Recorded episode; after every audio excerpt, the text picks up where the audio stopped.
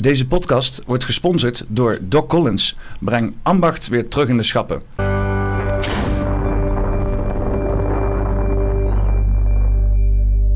Daar zijn we dan. We podcast nummer 138. En uh, ik zit hier met uh, Gio Vogelaar. Welkom. Welkom. Ja, dankjewel.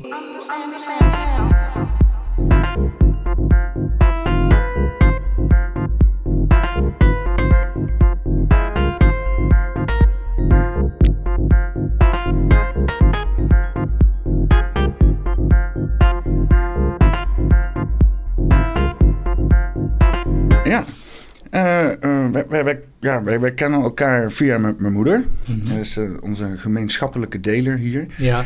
En ik heb jou leren kennen toen de tijd, toen wij met, met z'n allen, of jullie voornamelijk, bezig waren met Avatar. Ja, klopt. Ja. Kan, kan, kan je nog iets, kan je eens wat vertellen over die tijd? of hoe je erop terugkijkt? Ja, Avatar was, was eigenlijk een beetje de, de eerste training die, die ik uh, deed om uh, eigenlijk mijn overtuigingen te onderzoeken. En om bewust te worden van, ja, wat voor overtuigingen heb ik eigenlijk allemaal die me belemmeren in mijn leven. Hm. Dat is begonnen met Avatar. Ik was in die periode was ik sowieso bezig met uh, mezelf bewust te worden van, uh, van een heleboel dingen. En, uh, en daar kwam Avatar toevallig ook voorbij. Heb je voorbeelden van overtuigingen die als je erop terugkijkt, dat je dacht van, oh, die heb ik wel heel duidelijk uitgehaald ja. nou, zeg nou ja, elke, elke, elke gedachte die we hebben dat, dat dingen je aangedaan worden door mensen van buitenaf en al dat soort door dingen. En de slachtofferrol, Hè, dat je slachtoffer bent van je omgeving. Terwijl het helemaal niet zo is. Ja, ja maar dat is ook echt wat ik heel snel al ervan op had gestoken. Mm -hmm. uh, een keer zo'n dagje meegegaan in een hotel of zo. Ja. En... Uh, Zo'n ja, introductie. Dat, ja, -hmm. maar ik, dat meer ik niet nodig had. Want dat was, sinds die dag was ook precies... Dat klikte bij mij ook. Dat ik denk van ja, uh, het, is, het is heel leuk dat je andere mensen wil verantwoordelijk maken voor de dingen die jij van binnen voelt, maar daar ja. heb je helemaal geen invloed over. Nee. Dat is de, nee. ben je gewoon te, met de, de, dweil, of de kraan op aan het dweilen. Dat klopt. Ja, sindsdien heb ik wel al zoiets van, nou, weet je wel, ik laat dat lekker bij andere mensen. En dan is het nog een kwestie van goed erin worden. Maar ik, ik was mm. toen, ik, oud was ik, 16 of zo, weet je wel. Mm -hmm. uh, dat heeft me wel echt goed gedaan. Ik kijk erop terug. Ik denk van, ik ben echt dankbaar dat ik die informatie toen al heb meegekregen. Ja, het scheelt ja. een hoop uh, onnodige emoties, zeg maar. Ja, dat, uh, voor mij was het, uh, nou, de, de, welk jaar was dat? 2008 volgens mij. En toen begon ik aan Avatar. Nou, hoe oud was ik toen? Van 55, dus dat is 53 jaar. Dus dan, ja, dan heb je nog wel wat overtuigingen op te ruimen. Ja, ja inderdaad. Ja. En te onderzoeken. Mm. Mm. Wat, uh, wat ben je hedendaags allemaal uh, zo aan het uitvoeren? Officieel ben ik met pensioen. Aha, aha, gefeliciteerd. Maar nou ja, ik, ik, het voelt voor mij absoluut niet zo. Uh, ik heb het gevoel dat ik net op de helft ben. En er zijn nog zoveel dingen die ik, ja, zoveel dingen die ik, uh, die ik wil doen en die ik uh, kan doen, waar ik mee bezig ben. Ik coach nog steeds. Het is wel een goede uitgangspunt om met pensioen te gaan. Het is beter als je met pensioen gaat en dan zoiets hebt van... Ja, ja maar dat was mijn hele leven. Dat, ik heb beter met pensioen gaan denken van... Oh, van alles te doen en zo. Ja. Ja. ja, nee, dat klopt. ja, er zijn nog, ik, ik heb een hele nieuwe hobby weer ontdekt. Theater. Ik speel nu in een theaterstuk. Dat is voor mij compleet nieuw. Dat ontdek ik dus op mijn 68ste. Hmm. Maar het is iets waar ik zeker nog meer mee ga doen. Nooit uh, eerder mee in aanraking gekomen? Nee, wel uh, theater bezocht zelf, maar, uh, maar niet dat, ik, dat ik zelf theater speelde. Wel, wel een kriebeltje gehad of zo, vroeger of zo? Ik heb, ik heb wel eens een tijd het idee gehad om ooit nog eens een keer een stukje muziektheater te maken. Met ja, jongeren die ADHD hadden omdat ik geef ook uh, presentaties over kinderen met labels. Mm. En volwassenen ook met labels. Want uh, er wordt gezegd dat het stoornissen zijn. En in mijn ogen klopt dat voor een meter. Mm. En, uh, dus, en toen had ik op een gegeven moment dat idee om een heel mooi muziekstuk te maken. Kees Stomp. eh, gaan ze met allemaal dingen op de grond stampen Ja, en slaan? Met en zo? bezems, daar hebben ze ooit een eh, Ja. prijs mee gewonnen. Ja, ja. En, eh, dat is echt wereldtop. En zoiets wilde ik ook eigenlijk met ADHD'ers doen. Mhm. Om, eens, eh, om te laten zien. Ik, had- ik had een manier bedacht om te laten zien dat, eh, dat eh, diversiteit veel leuker is dan dat we allemaal uniform zijn. En waarom specifiek ADHD'ers?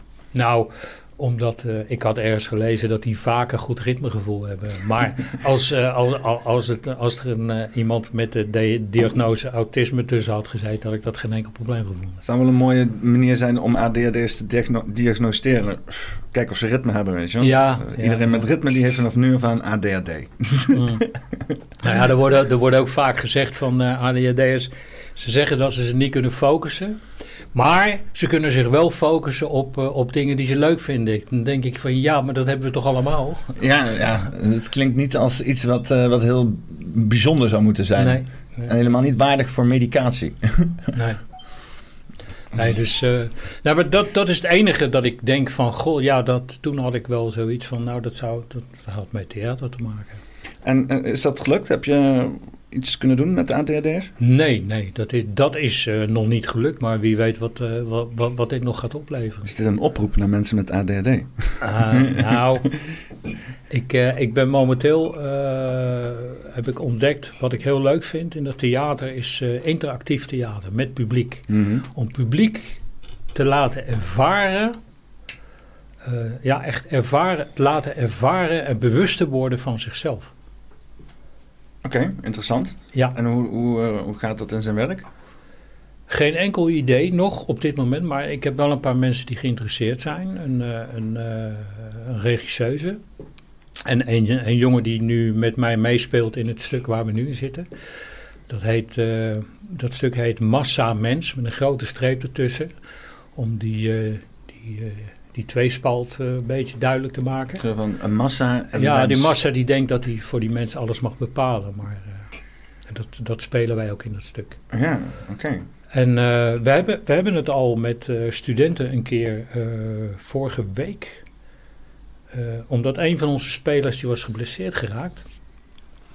Tijdens, tijdens het toneelspel? Of, eh? Nee, nee, in de vakantie. Want Oh, die had zijn, eh, zijn meniscus en zijn knieband gescheurd. Die moest geopereerd worden. Dus die kon niet meedoen. Ah, ja. En toen hebben we besloten, we gaan, eh, omdat het aan studenten was, we gaan wel scènes spelen, maar we gaan daarover in, in gesprek met ze. Mhm. En we hebben ze ook mee laten doen in, met hun eigen inbreng. Oké. Dat was heel boeiend. En, ik, ge- ik geef zelf presentaties met eh, de titel Kinderpsychologie of ADHD, autisme, dyslexie, puntje, puntje, stoornisgaaf of gewoon met een groot vraagteken.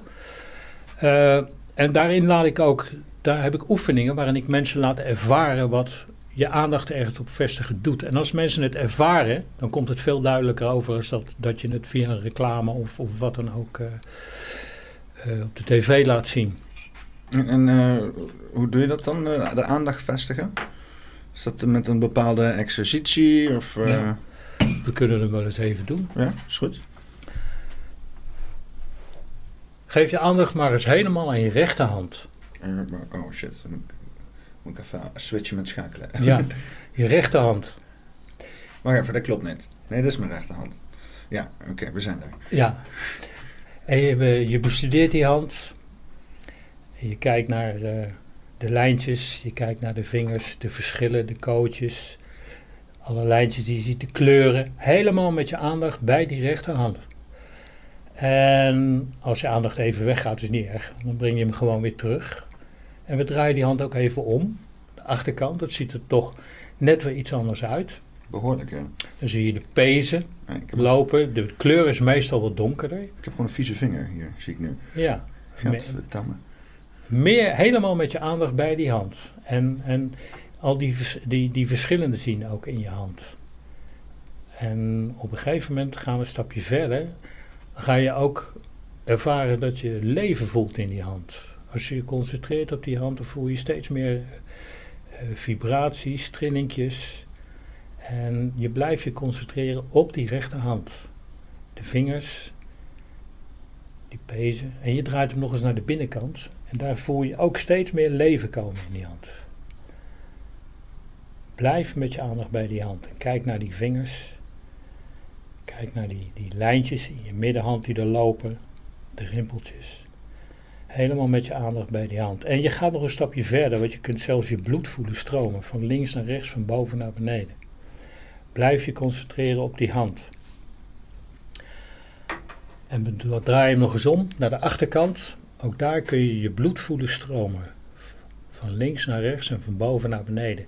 En dan denk je dat je nagels, dat dat dood is. Maar zelfs daar kun je je leven, kun je leven en bloed in voelen stromen. Helemaal met je aandacht bij die hand. En wil ik je nu vragen om die rechterhand te vergelijken met je linkerhand. Wat komt er in je op? Wat is het verschil? Niet nadenken, gewoon wat, wat is het verschil? Is het tegenovergestelde. ja. Uh, ja, ik voel deze wel beter inderdaad. Ja. Deze, deze, voelt nu alsof die uh, minder van mij is als deze, zeg Ja. maar. Deze voelt nu heel erg... Ja. Ben ik, uh, dit is duidelijk mijn hand. Dit is, oh ja, deze is er ook. Ja. Ja. Maar dit- niet zo... Ja, dit, deze voelt warmer bijna Ja, of zoiets. warmer. Ja. ja. Ik hoor soms ook van mensen dat ze zeggen hij lijkt wel groter. Hmm. En dat, dat, dat, dat geeft dus aan dat waar je aandacht aan geeft, dat groeit. Werkt dat ook met je penis? Als je het gelooft, ben ik ervan overtuigd. Ja, oké, interessant. En dat doe je dan met een, met een heel publiek? Dat doe ik met een heel publiek. Ja. En dan laat ik ze zelf eh, vertellen wat, wat, wat ze ervaren. En wat krijg je terug van, van mensen? Nou, behalve men- mensen eh, heel duidelijk dat ze dus ervaren, ja inderdaad, als ik mijn aandacht ergens op richt, dan groeit dat en dan, komt, en, en dan gebeurt daar iets. Oké, interessant. Ja. Zo creëren we ons hele leven, zonder dat we ons daar bewust van zijn. Ja, Als je je aandacht op ellende eh, richt, dan krijg je dat terug van het universum. Eh, Het bekende verhaal van een eh, optimist en een pessimist. Een optimist is iemand die, die- ja, die kan overal het geschenk in zien. mhm. Maar daardoor krijgt hij ook steeds meer geschenken. En iemand die pessimistisch is, die heeft continu het negatieve eh, beeld ook dat hij slachtoffer is vaak. Het zijn allemaal onbewuste processen. Hè? Maar daardoor blijft hij ook in die, in, in die trilling hangen, in, in dat negatieve hangen. Dat krijgt hij terug. Zo werkt volgens mij ons universum. ja. Ja, want het is ook wel interessant dat je eh, eh, die massa erbij haalt. Eh, Ja. Dus, dus we hebben gezien, in ieder geval, ik ben persoonlijk heel erg geschrokken van de afgelopen drie jaar hoe snel zo'n massa in één keer geactiveerd kan worden, zeg Ja. maar. Ik had altijd het idee dat we in een land la- leefden met rebellen, maar dat is maar vies tegengevallen hier. En ehm, ja, je ziet dat gesprek nu ook maatschappelijk, of in ieder geval een beetje wel aan de, aan de, aan de randjes van de maatschappij.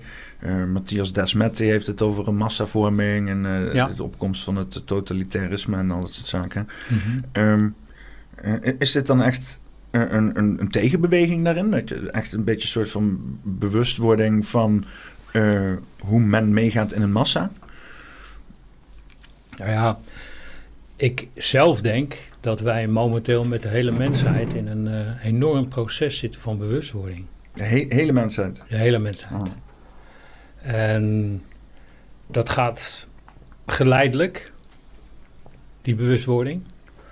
En eh, ik denk ook zelfs dat het, dat het allemaal georchestreerd is. Ik zeg ook tijdens, tijdens, ik heb in mijn rol in het theaterstuk, zeg ik ook letterlijk, het is eigenlijk een groot spel wat we met z'n allen spelen. Hm? En je kunt kiezen, je bent deelnemer of je bent toeschouwer. Ja.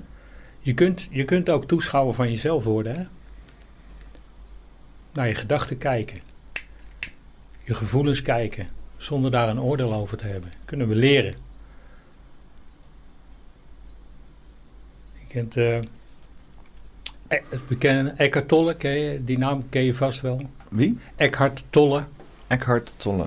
Ik- is de man van eh, de kracht van het nu. Oké. Eh, die man, die, eh, die was op een gegeven moment was hij zo depressief dat hij s'nachts aan, aan zelfmoord dacht. Tot het moment dat hij zich in één keer realiseerde van, maar wie is dan degene die naar mijn gedachten kijkt? En dat is zijn redding geweest. En toen heeft hij maandenlang, hij is niet meer naar zijn werk gegaan, heeft hij op bankjes gezeten. En is hij alleen maar aanwezig geweest. En heeft alles ervaren wat er om hem heen gebeurt. En hij is nu een, uh, hij reist de hele wereld rond om die verhalen te vertellen. Ik heb, ik heb een paar keer die man uh, in een zaal gezeten. Nou, je weet niet wat er gebeurt. In, hoe één mens met zijn bewustzijn, twee woorden, aanwezig zijn, hoe die die hele zaal in dat hier en nu trekt. Hmm. En dat kunnen wij allemaal. En dat is dan, jij bent een keer naar hem toe geweest? Ja, ik heb hem twee keer bezocht. En, en dan gaat hij spreken? Dan gaat hij spreken en het is... Uh, Schrijf het? Eckhart? Eckhart met CK en hart. Tolle. Tolle. Van oorsprong een Duitser. Even, even live of zo. Oh, dan raad ik je echt aan om eens wat filmpjes van hem te kijken. Daar heeft ook een ontzettende humor. Even een klein stukje. Is het. Uh, even kijken. Geluid. Uh, Over ons ego. Uh,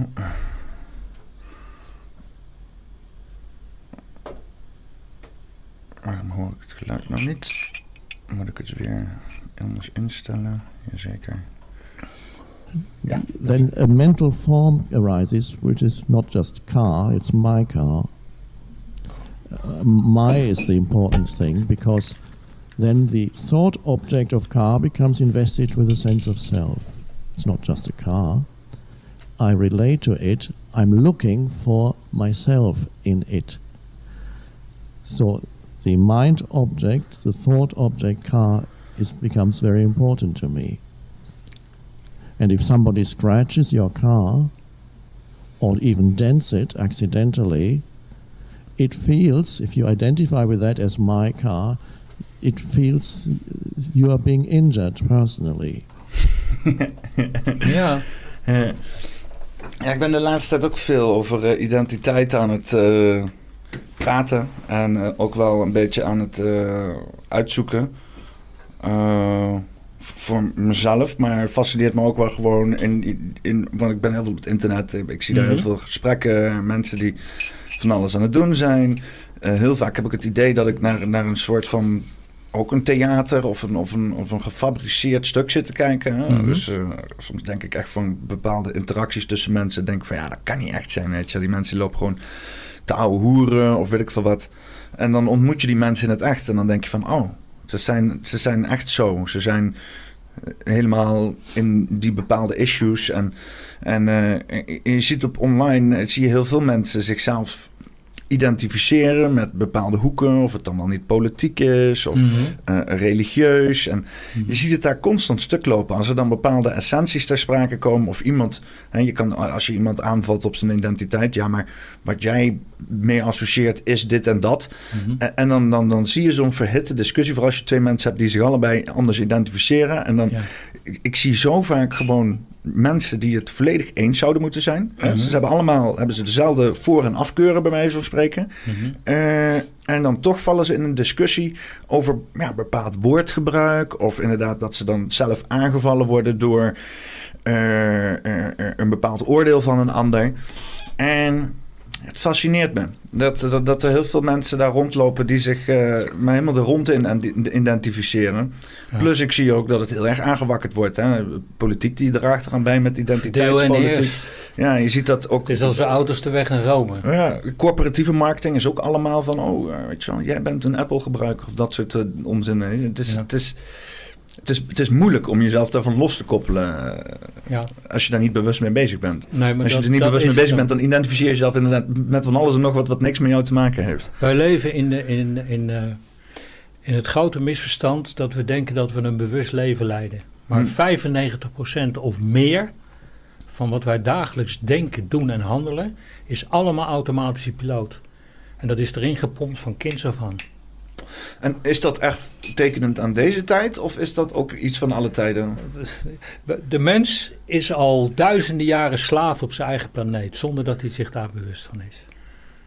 En daarom, waar we, het, het heeft een functie hoor, want ik zeg al, het is een theaterstuk. Het is een spel wat we op zielsniveau bewust niveau met elkaar hebben afgesproken. Maar we leven hier op een aardbol waar we een driedimensionale werkelijkheid van uh, dualiteit, alles wat tegenover elkaar staat, uh, ervaren als mens. En het heeft als doel om ons bewust te worden van het feit hoe onbewust we zijn. En dat we eigenlijk veel meer kunnen en veel meer zijn als dat ons is aangeleerd. We hebben ons laten aanleren. Hmm. Van kinds af aan word je uit verbinding met jezelf gehaald. Dat gebeurt tijdens opvoeding, die aangepast is aan het uh, schoolsysteem. Ik bedoel, kijk eens naar ons schoolsysteem. Ik geef daar ook lezingen over. Hmm. We zijn het er allemaal over eens dat ieder mens verschillend is. Maar vervolgens worden ze in een mal gedouwd. En alle kinderen moeten hetzelfde leren. Het begint al op de basisschool. Allemaal hetzelfde. Zelfde toetsen doen. Uh, dezelfde leerstof. En wat wij noemen ontwikkelen. Wij laten kinderen zich niet ontwikkelen. We maken ze ingewikkeld. Ah, ja, ja. En daardoor blijven hun talenten onderbelicht. Die worden, die worden letterlijk en figuurlijk ingewikkeld in opgelegde eisen van onze samenleving. En zo worden we klaargestoomd om in die samenleving netjes te passen in een groot verdienmodel. Hm. Waar een kleine groep mensen heel veel geld mee verdient. Ja, we moeten economisch rendabel zijn, hè? Ja, ja die economie, eh, we moeten... E e er zijn zelfs mensen die, economen, die beweren dat als het een tijdje slecht gaat, dan noemen ze het negatieve groei. Negatieve groei? Ja. En voor wie is dat dan negatief? Ja, ze zeggen dat economie, in de economie we moeten blijven groeien. Maar dat is natuurlijk de grootste waanzin die er is. Ja. Want dat zorgt ervoor dat we die hele aardbol uit de kloot helpen. Ja. Ja, je, je ziet ook gewoon dat voor 1800 was de economische situatie over het algemeen gewoon altijd stabiel. Mhm. Door allerlei kleine gebeurtenissen. Maar het is dan ergens rond 1800 of uh, die tijd is het allemaal uh, samengepakt. Uh, 1850. Mhm. En dan zie je, zie je gewoon de ene recessie naar de andere recessie constant ontstaan. Ja. Natuurlijk is econom, inflatie is ook van alle tijden. heb je ook in het Romeinse Rijk. Mhm. Letterlijke inflatie, omdat ze gewoon goud eraf liepen te skimmen. Uh, devaluing. Maar uh, ja, dat, dat, dat, hele economische systeem wat we de afgelopen 100 jaar, 200 jaar hebben gecreëerd, dat is echt. Dat, is, dat, dat, dat, wat je zegt, dat is gebaseerd op, op de groei dat oneindig moet doorgaan. Ja. En. Want het is wel grappig, want jij zei, oh, jij kwam hier en jij zei van uh, de treinen reden niet en zo en dan moest je Mm. omrijden en bla bla bla.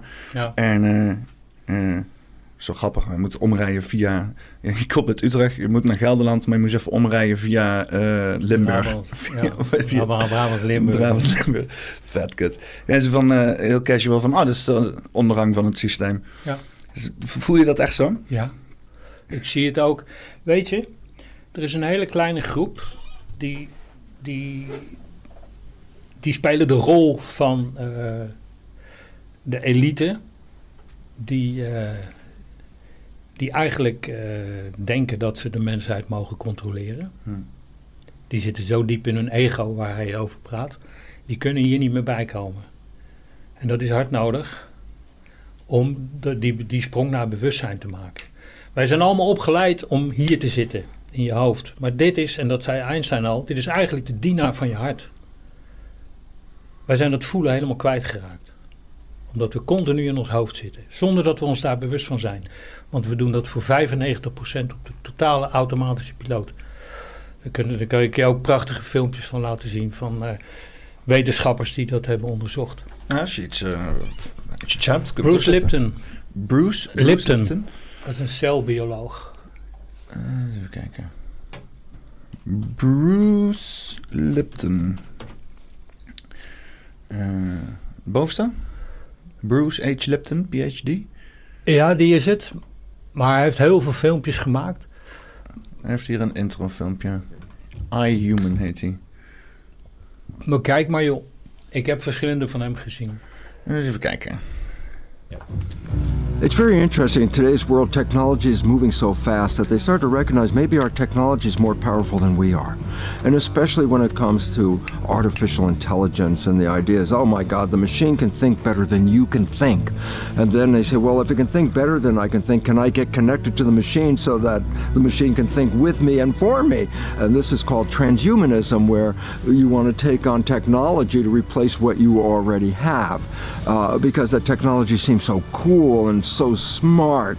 And I go, look, I come from a world of biology. And the most important aspect of this biology is well, we have life on this planet. This biological mechanism is a translator of the environment. The eyes translate the energy into visions of landscapes and everything we're looking at. The ears translate vibration into the sound, which could be music or noise, or whatever it is. Uh, the taste buds take food and, and the energy of that food is translated into taste. And I go, oh my God, to visualize, to taste, to touch, to smell, to feel, love. And I go, that's why we're here. We came here to experience life. And the body is an extension of that spirit because it is a translator of a world that spirit doesn't actually manifest in its own vision of energy. But this body translates that energy into pictures, sound, smell, taste, feelings. I go, wow. And then they say, well, yeah, but we could be smarter when we do transhumanism. I go, you missed the point. The point was to experience this planet. Do I want a machine to experience it? I have the machine. My machine is perfect. Do I need to expand it with computers? Hell no. Because my brain's smarter than the computer anyway if I want to use it that way. So the world is tied up with transhumanism and AI, artificial intelligence. Like, okay, we can boost our intelligence. I go, is that why we're here? Is that is that the feelings? Does, do you have artificial feelings that we can program? Can you program love into my body? I got my body programs love, mind you, much better than a machine can do it. So the idea is this understand your personal experience on this planet. We get so caught up in the details, the struggle for life, which is a false understanding from Darwin, because life is not a struggle, life is a creation. And do I need an artificial intelligence to create this? I say no. I've created some of the most beautiful visions of my life by being in places like I got there for why? Not because a computer took me there, because there's so much information coming in your body all the time. Every aspect of you walking through a field the sea, the smell, the air, the oh, everything is like artificial. The real one is the great one. Why do I need to enhance that when I already have a body that can do better than any machine can do? Ja, het is, wel, uh, het is inderdaad wel apart dat je die hele gedachte met simulatie en zo en virtual reality, dat, ze, uh, dat iedereen gefocust is op het uh, simuleren van het echte leven. En je hebt zeg maar echt leven, kijk gewoon met je voeten in het zand en in het water en de zee ruiken. Maar nee, het moet nu gesimuleerd worden. Dat, het, zeg maar, hè, dat je een soort van haptische feedback hebt en uh, visuele simulatie. En dan dat je in een of andere constructie zit en dat het dan net echt is dat je op het strand loopt. Ja. Dat, dat zeg maar ook dingen gaat simuleren die in het echte leven echt aanvoelen en zo. Het is, het, het, het, eigenlijk is het heel dom. Ja. En vraag me ook af.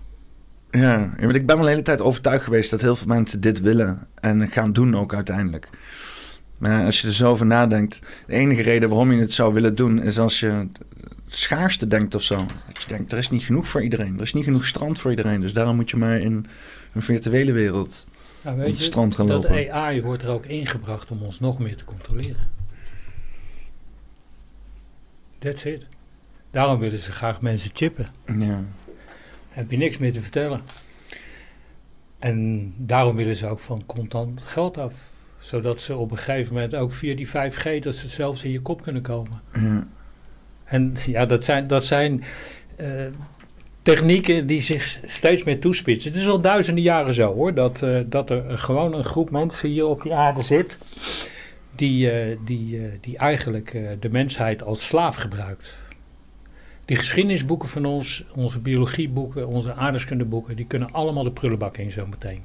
Want dit gaat allemaal bekend worden. Het is al aan het gebeuren. Ik bedoel, de hele situatie rondom COVID komt, komt langzamerhand steeds meer naar boven overal. Mhm. Ook in de reguliere media. En eh, dus het, het, het is allemaal duidelijk aan het worden. En, maar het heeft een functie. Het gaat erom dat wij als mens bewust worden van onszelf. Wij denken dat we dit lichaampje zijn. Dat hebben wij zo geleerd. Mhm. Maar dit lichaam is een avatar van een heel groot bewustzijn. Een veel groter bewustzijn. Neem, neem een game. Als, als, als je een game speelt, dan, dan creëer je een poppetje met gereedschap en die gaat een virtueel avontuur aan. Ja. Nou, dat doet dat hogere bewustzijn van ons. Die doet dat met, om, met dit lijf, zodat jij, wat hij ook vertelt, je bent hier om een, een, een ervaring als mens op te doen. En daar bewust van te worden van wat, wie je eigenlijk bent. Wij kunnen veel meer. Ik heb dat proces de afgelopen jaren eh, ervaren. Eh, Je kunt het noemen eh, God, je hogere zelf of je hogere bewustzijn. Dat is veel meer dan alleen maar dit lichaam. Maar wij zijn van, van, van, van, van kinds af aan zijn we klein gehouden. Omdat wij gecontroleerd moeten worden. Dat, dat, dat, hoger bewustzijn in, in jouw, zoals jij dat ziet, Ja. is dat zeg maar één? Of is dat persoonlijk aan de avatar die hier, hier eh, aan het ervaren is? Nou, een, eh, een, een ziel of, een, of, een, of een, een, een hoger zelf, die kan zelfs eh, veel meer aspecten hebben. Kijk, kijk wij denken op de- dat we op deze aarde zitten dat er maar één dimensie is. Hè? Maar je wil niet weten hoeveel verschillende dimensies, parallele universums er zijn, die wij helemaal niet kunnen zien. Wij als mens kunnen maar 1% van de werkelijkheid zien die te zien is, omdat we getraind zijn om alleen maar materie te kunnen zien. Mhm. En eh, het is bekend in de natuurkunde, een atoom bestaat voor 0,2301 uit materie en 99,23 uit ruimte. Dus de ruimte zien wij helemaal niet. En daar zitten alle andere dimensies Daar tussen. zitten ge- alle andere dimensies. Ja. Ja, want het, het is, eh, eh, want multidimensionaal, eh, nog steeds als, als ik zeg maar visualiseer wat jij vertelt over atomen, Ja, zie ik dat in een driedimensionale ruimte. Ja. En daar, daar ben je al, als ik zeg maar in meerdere dimensies wil denken, want dan zit het opgevouwen in zichzelf in, in, en, of, of om zichzelf heen. En dat kan je me niet zien, want dan heb je het over extra dimensies. ja, Los nog maar van tijd. ja. Want schijnbaar heb je ook iets vast van ruimtes waar tijd verder niet relevant is of zo. Mhm. En dat zit daar ook nog tussen gefrummeld op een of andere manier. ja. Maar ja, dat is om daarover na te denken. Het is, dit is, is, dat is, eh, Er is een, een, prachtige serie, die kun je via Gaia bekijken. Dat is van een, eh, van Italiaanse. eh, eh, God, hoe heet die nu nou? Di Stefano is zijn achternaam. Die jongen die is 28 tot 30 jaar. mhm. En die weet feilloos alles uit te leggen over dimensies. Die zegt ook dat hij eh, zelf eh, het hele gewerkt heeft in het Akasha-veld. Dus eigenlijk de, de informatiebibliotheek van, van het hele universum. En ja, en die kan feilloos uitleggen hoe het werkt met die dimensies en hoe dat in elkaar zit. Doet hij dat met geometrie en zo? Oh, hij, hij- dat zijn hele series. Ik heb, ik heb een eh, aantal daarvan gezien. En sommige die, pff, die gingen mij op, de, op een bepaald moment ook nog even boven mijn pet. Maar hij legt dus gewoon uit dat al die dimensies gewoon bestaan naast elkaar. Ja. Ik heb zelf de ervaring dat je dus echt je eigen tijdlijn kunt creëren. Je kunt je eigen, eigen leven creëren zoals je dat wil. Ja. Zonder dat het elkaar bijt. Ja, want ergens is daar een tijdlijn waarin je het al doet. Alleen je moet alleen naar die tijdlijn zien te komen. Ja, Ja. Maar dat is ook de, de reden dat wij vaak denken dat we eh, moeten discussiëren om gelijk te krijgen. Terwijl iedereen kijkt altijd vanuit een ander perspectief. Ja. En die heeft ook zijn eigen tijdlijn. Ja, Je bent eigenlijk aan het discussiëren om jouw blik te verruimen of zo. Dat, toch? Dat, is, dat zou het nut moeten zijn van een goede discussie. Ja. Ja, ik, ik, ik, ik praat liever over dialoog. Ja. Want in een, discus, een discussie betekent voor mij vaak, dat, dat, dat zie je in de praktijk ook, dat wordt vechten. Ja, een goede En discussie. debatteren is helemaal eh Ja, ik wou net zeggen, ja, want debatteren is natuurlijk... Ja, want eigenlijk een discussie is eigenlijk gewoon... Een, de, de discussie is gewoon een, eh, vrije tijdsdebat, bij wijze van spreken. Ja. Maar eigenlijk als je een goed debat wil voeren, voeren moet je gewoon vooraf regels stellen en dat soort zaken. Ja. Maar ja, dat wordt nooit gedaan. Wordt zelfs in de, in de Tweede Kamer wordt dat niet eens gedaan. Ja, ja, er zijn zoveel regels inmiddels dat er niet eens meer debat mogelijk is. Het is Nee. alleen maar...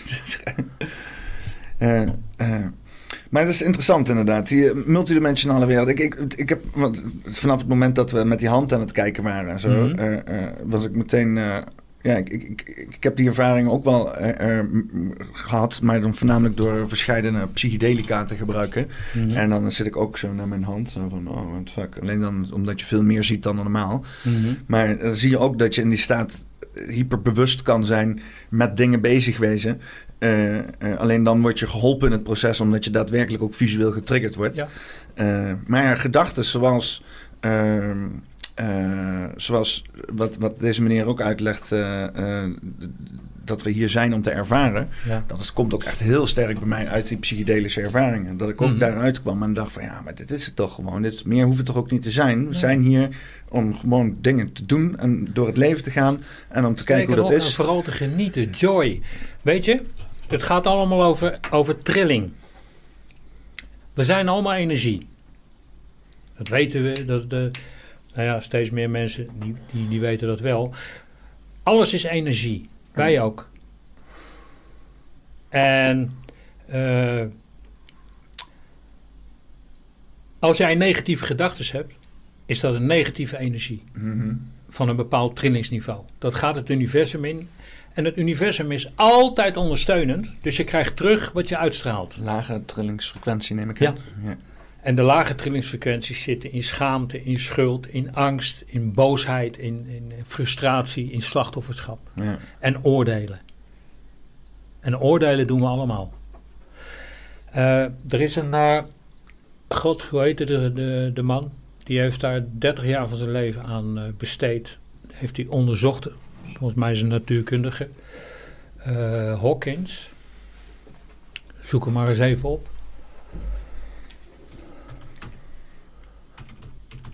En die heeft trillingen onderzocht. Steven? Nee, niet Steven.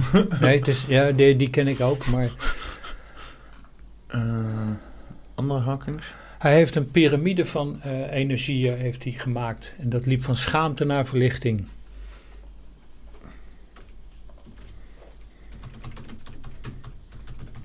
Vibraties heeft hij onderzocht.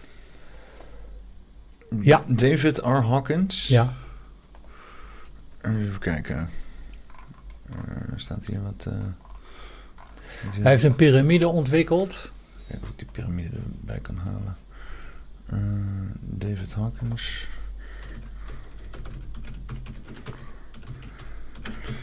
Pyramide.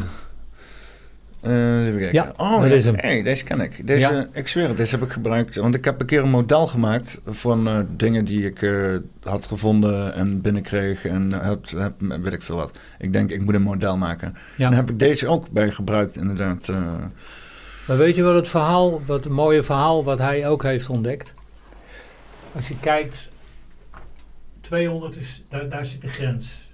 Bij moed. Iemand die daarboven, de- iemand die in staat is om in vrede en verlichting continu te zijn, één persoon heeft invloed op 70 miljoen mensen die in die lagere trillingen zitten. Meen niet? Ja, Huh? dat is ook natuurkunde. Een hogere trilling wint, tussen aanhalingstekens, het altijd van een lagere trilling. Ja, het pakt meer energie. Daarom zal, als ik nergens bang voor ben, komt er niemand bij mij in de buurt om mij iets te doen. Hm. Dat straal je uit. Mensen die wel bang zijn, die trekken het aan. Er zijn onderzoeken gedaan in New York. Eh, Lieten ze aan de ene kant van het park mensen naar binnen gaan die heel gefrustreerd en boos waren. Mhm. En aan de andere kant mensen die angstig waren. In meer dan 90% van de gevallen kwamen die elkaar tegen. Maar als er iemand dus zonder angst het park in ging, dan gebeurde dat hoogst zelden dat die elkaar tegenkwamen. Dus het zoekt elkaar allemaal op. En het trekt elkaar eh, magnetisch aan op een of andere manier. Ja. Klinkt het bijna wel. Ja, ja. Oké. Iemand die gefrustreerd is en, eh, en, en die ander die is, leeft in angst, zitten allebei in een hele lage trilling. Ja. Ja, ik, ik zou ook daarna denken, als ik in trillingen be- bedenk, dan een hogere eh, trilling die pakt veel meer energie als een lage trilling. Hè? Dat is net zoals als je denkt over 5G en radiosignalen. 5G heeft dan heel hoge energie. Ja. Is ook, ja, eh, En, en lagere trillingen, die, die hebben in principe, die kunnen wel heel ver reiken. Zijn heel moeilijk te faseren, maar eh, gaan wel, ja, die, die, die kunnen heel weinig energie dragen. Maar zijn heel zwaar. Zitten heel laag op de ondergrond. Dus Ja, maar die, volgens mij moeilijk uit te. die 5G moet je niet. we- we- we- waar we ons niet ook bewust van moeten zijn, is dat de intentie van 5G, dat is een hele lage trilling. Hm, Dat is controle uitoefenen over de mensen. waarvoor het voor de gebruikt wordt, gedachte eh, die erachter zit. Ja, ja, ja. En die, die frequentie wordt meegenomen. Het is wel ironisch dat dus inderdaad een eh, hoge frequentie intentioneel wordt misbruikt voor lage frequentie dingen. Ja, maar dat is hetzelfde. Kijk, je kunt overvloed cre- creëren voor jezelf als jij echt de overtuiging hebt, niet bang bent voor tekort. Ja, Maar als je het vanuit angst wil creëren, dan lukt het niet. ja. ja. En dat zijn dingen, en dat, daar gaat dat bewustzijn over, om daar zuiver in te worden. Hm, Ik, ik heb het zelf ervaren. Als je rondloopt met, vanuit je hart, met compassie voor alles en iedereen die er is, met vriendelijkheid, met dankbaarheid voor alles wat er, wa- wa- wa- wat er is, dan, dan, dan, dan, dan, dan, dan heb je gewoon invloed op je omgeving. ja. Je, eh, een heel bekend voorbeeld, dat kennen we allemaal. Je loopt op straat en je voelt je niet lekker en iemand zegt je in één keer heel vriendelijk gedag. Dan gebeurt er iets in je energie. En andersom is dat hetzelfde. ja. Dat zien we vaak niet. Ja, je kan, als je met een groep mensen bent en iemand stormt binnen omdat hij een kutdag heeft gehad, en dan kan die hele sfeer in die kamer helemaal omslaan. Hoeft Ja. nog niks gezegd te worden.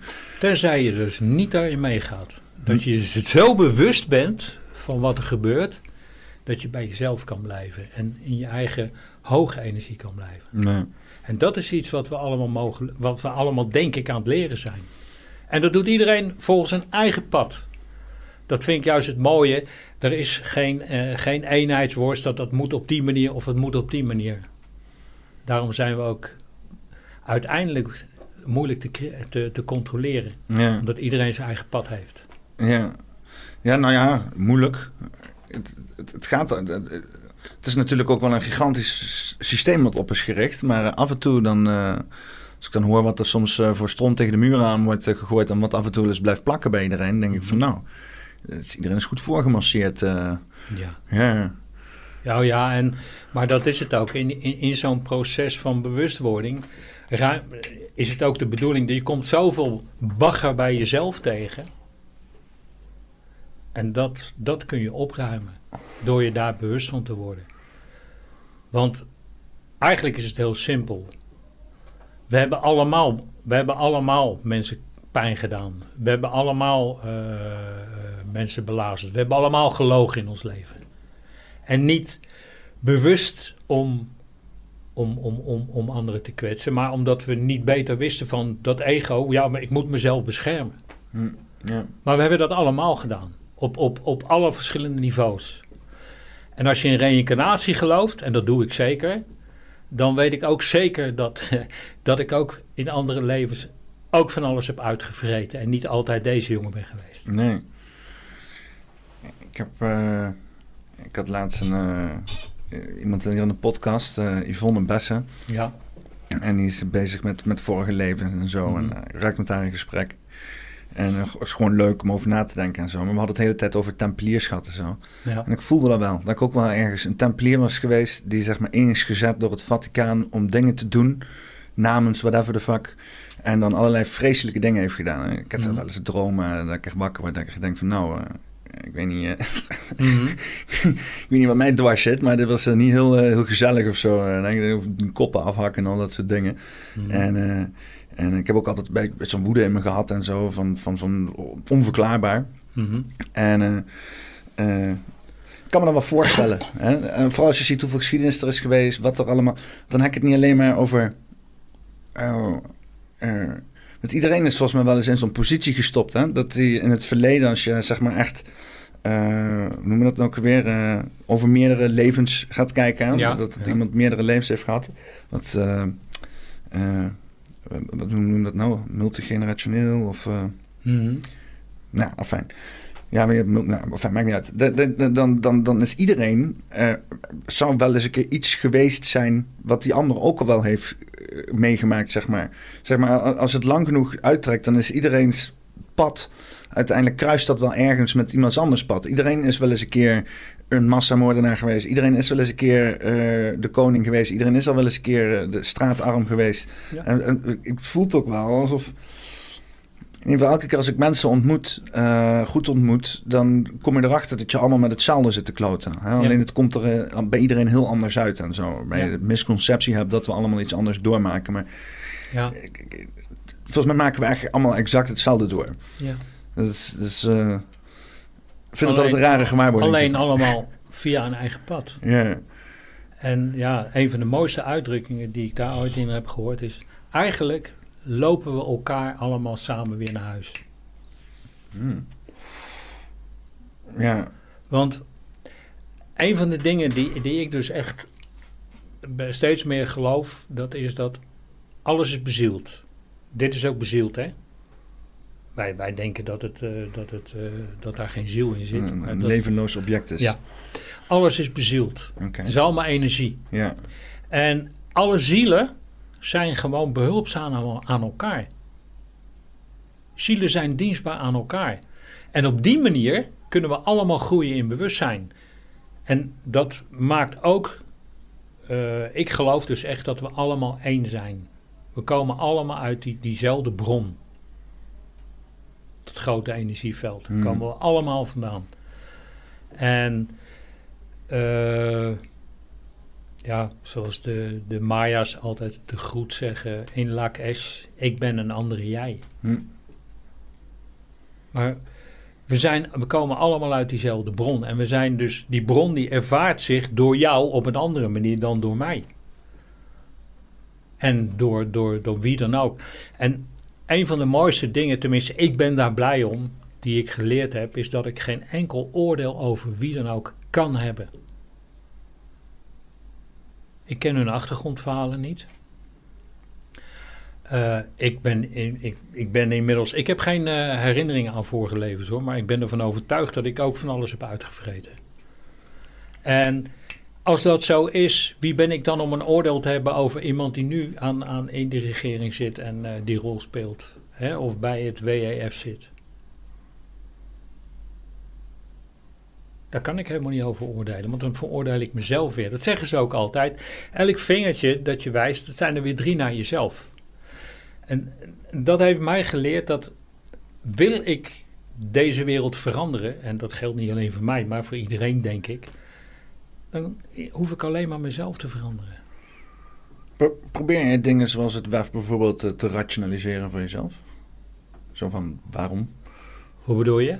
Nou ja, waarom ze doen wat ze doen. Nou, zij, eh, zij, zij spelen die rol van, eh, die, die, ze willen steeds meer controle. Je ziet het ook, ik zie het, daarom, dit is ook het einde van het systeem. De, de, de, de, de, de, de begeerte, de, de, de greediness, ze kunnen, het zijn gewoon geldverslaafden. Hè? Het Ja. zijn gewoon verslaafde mensen. Verslaafd aan geld, aan macht, aan controle. Het zijn gewoon zieke mensen. En dat die greediness, die, nou, dat zie je toch overal. De prijzen gaan omhoog. Waar vroeger eh, netjes eh, aangekondigd moest worden. Nou, eh, en je mag per jaar maar 8% omhoog. Moet je eens kijken in de, in de supermarkten. Het gaat per, elke week met dubbeltjes worden er gewoon opgeteld. Ja. Je ziet gewoon de greediness toenemen. En dat kan dus gewoon niet doorgaan. Dat maakt alleen maar steeds meer mensen wakker. Ja, het grappige is hoe ze die greediness doorvoeren, vooral in de supermarkten. Aan de ene kant vind ik het echt hilarisch allemaal hoor, maar het is, het is heel triest natuurlijk. Maar eh, het is echt alsof je naar een cartoon zit te kijken. Ja. En dat is dat ze dan eh, shrinkflation aan het toepassen zijn. Dus steeds meer producten uit de verpakking doen. Dat ze zeg maar diezelfde grote verpakking kunnen houden. Zodat mensen in die waan blijven van, oh, er gebeurt niks. Ja. En dat de prijs nagenoeg in hetzelfde getal kan blijven. Maar ondertussen zie je gewoon, ja, verpakkingen die vier hadden zijn nu drie. Dingen die 500 gram waren zijn nu 350 gram. Ja. Eh, Het eerste wat, wat me opviel is dat er gehakt van plastic doosjes in zakjes werd gedaan. Een Ja. zak gehakt met de Albert Heijn. En ik denk al van, ja nee, wacht even. Hier gaan ze natuurlijk, het is puur om hoe dat voelt zeg maar. Hè? Dan zo'n Ja. zo'n zak 300 gram gehakt, dat voelt net iets beter als een plastic bakje met 300 gram gehakt. Ja, het, is, het is allemaal zo, zo sneaky en zo. Ja, maar het, het, het, het, het, het geeft dus aan hoe ziek ze zijn. Ja. Mensen, we, we zijn met de mensheid gewoon langzamerhand naar, naar, naar, naar iets heel zieks toe gegaan. Maar dat was nodig om, om, om, dus dat bewustzijn te krijgen. En dat gaat gelukkig, da- daarom zeg ik ook, ik hoor heel vaak mensen, waarom zien ze het niet? En, eh, maar stel je nou eens voor dat iedereen tegelijk wakker wordt en, en ziet wat er gebeurt. Wat denk je dat er gebeurt? Dan krijg je lynchpartijen. Want wat is de eerste reactie? Boosheid, frustratie. Ik ben in de zijk genomen.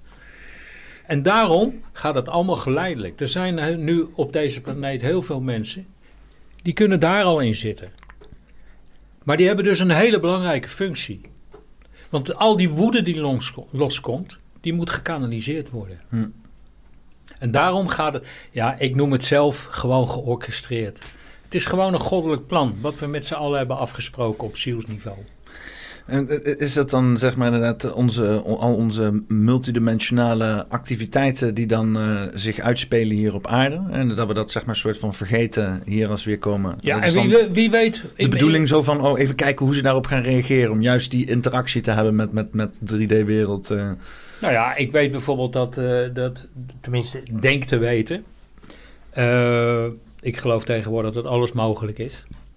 Ehm, dat, eh, dat experiment met die aarde, dat het een beetje uit de klauw gelopen is toen met die atoombom. hmm. En dat er toen ook een oproep is geweest in het universum van jongens, er moet nu even echt wat gebeuren op die aarde, want dat heeft zoveel invloed op die hele kosmos gehad, qua energie, eh, dat er dus mensen zich vrijwillig hebben aangemeld om, eh, of zielen, om hier eh, te extra te gaan ondersteunen.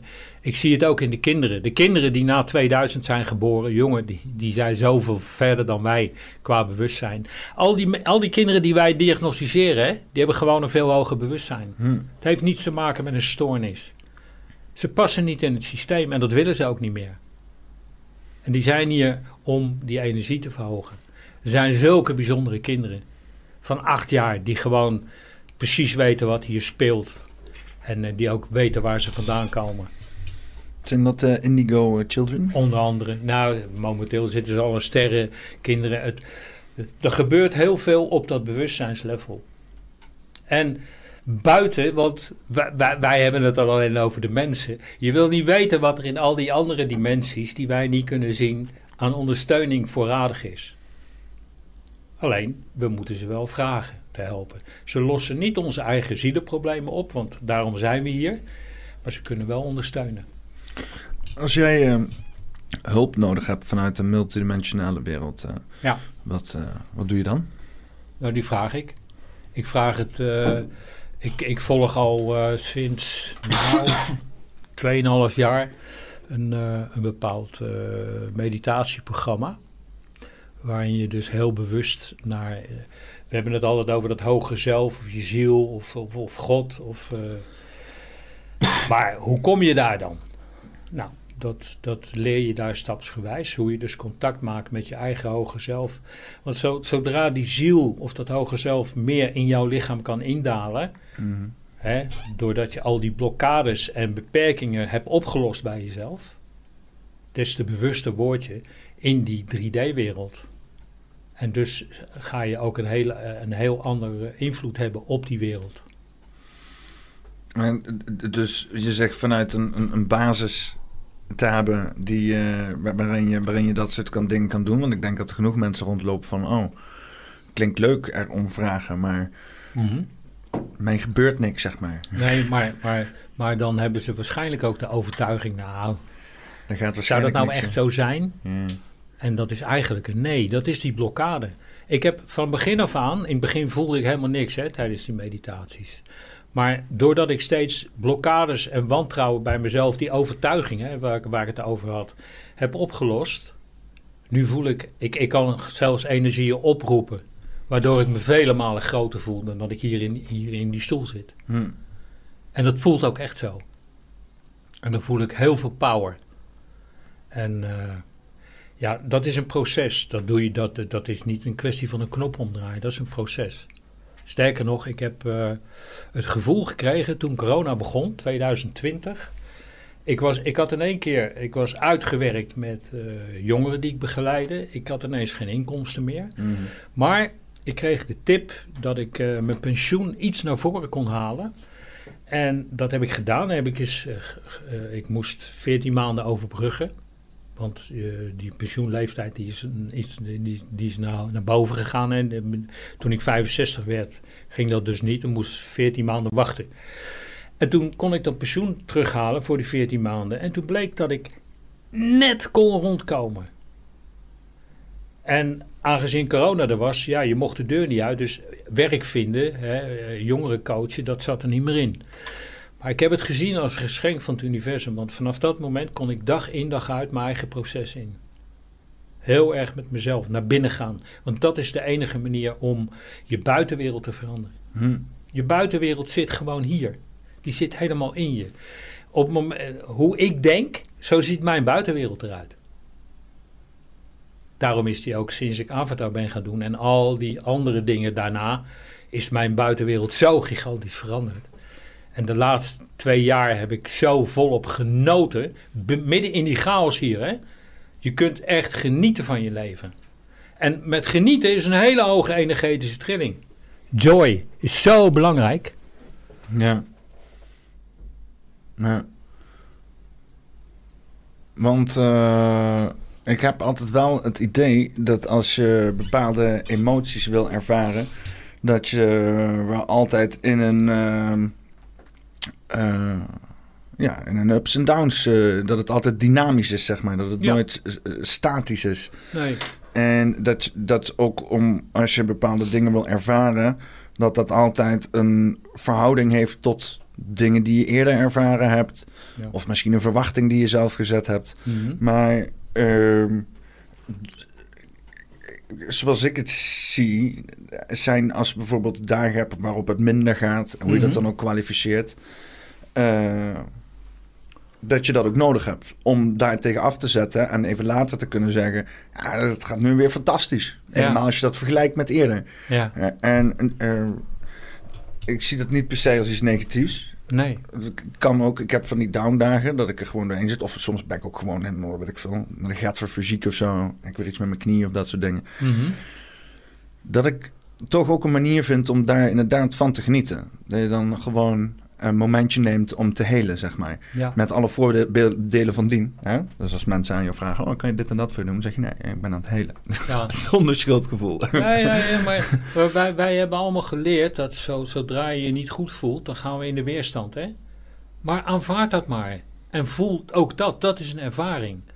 En dat was ook Harry Palmer, de, de grondlegger van Avatar. Die zei, je kunt leren genieten van, van, je, van je negatieve gevoelens, van je pijn. Ja. En dan bedoelde hij niet mee dat je, oh wat fijn. Nee, maar, maar dat je dus in staat was om het er te laten zijn. Het aan te kijken zonder er een oordeel, zonder weerstand te geven. En het leuke is dat je er dan vaak veel sneller doorheen gaat. ja. Omdat je het aanvaardt.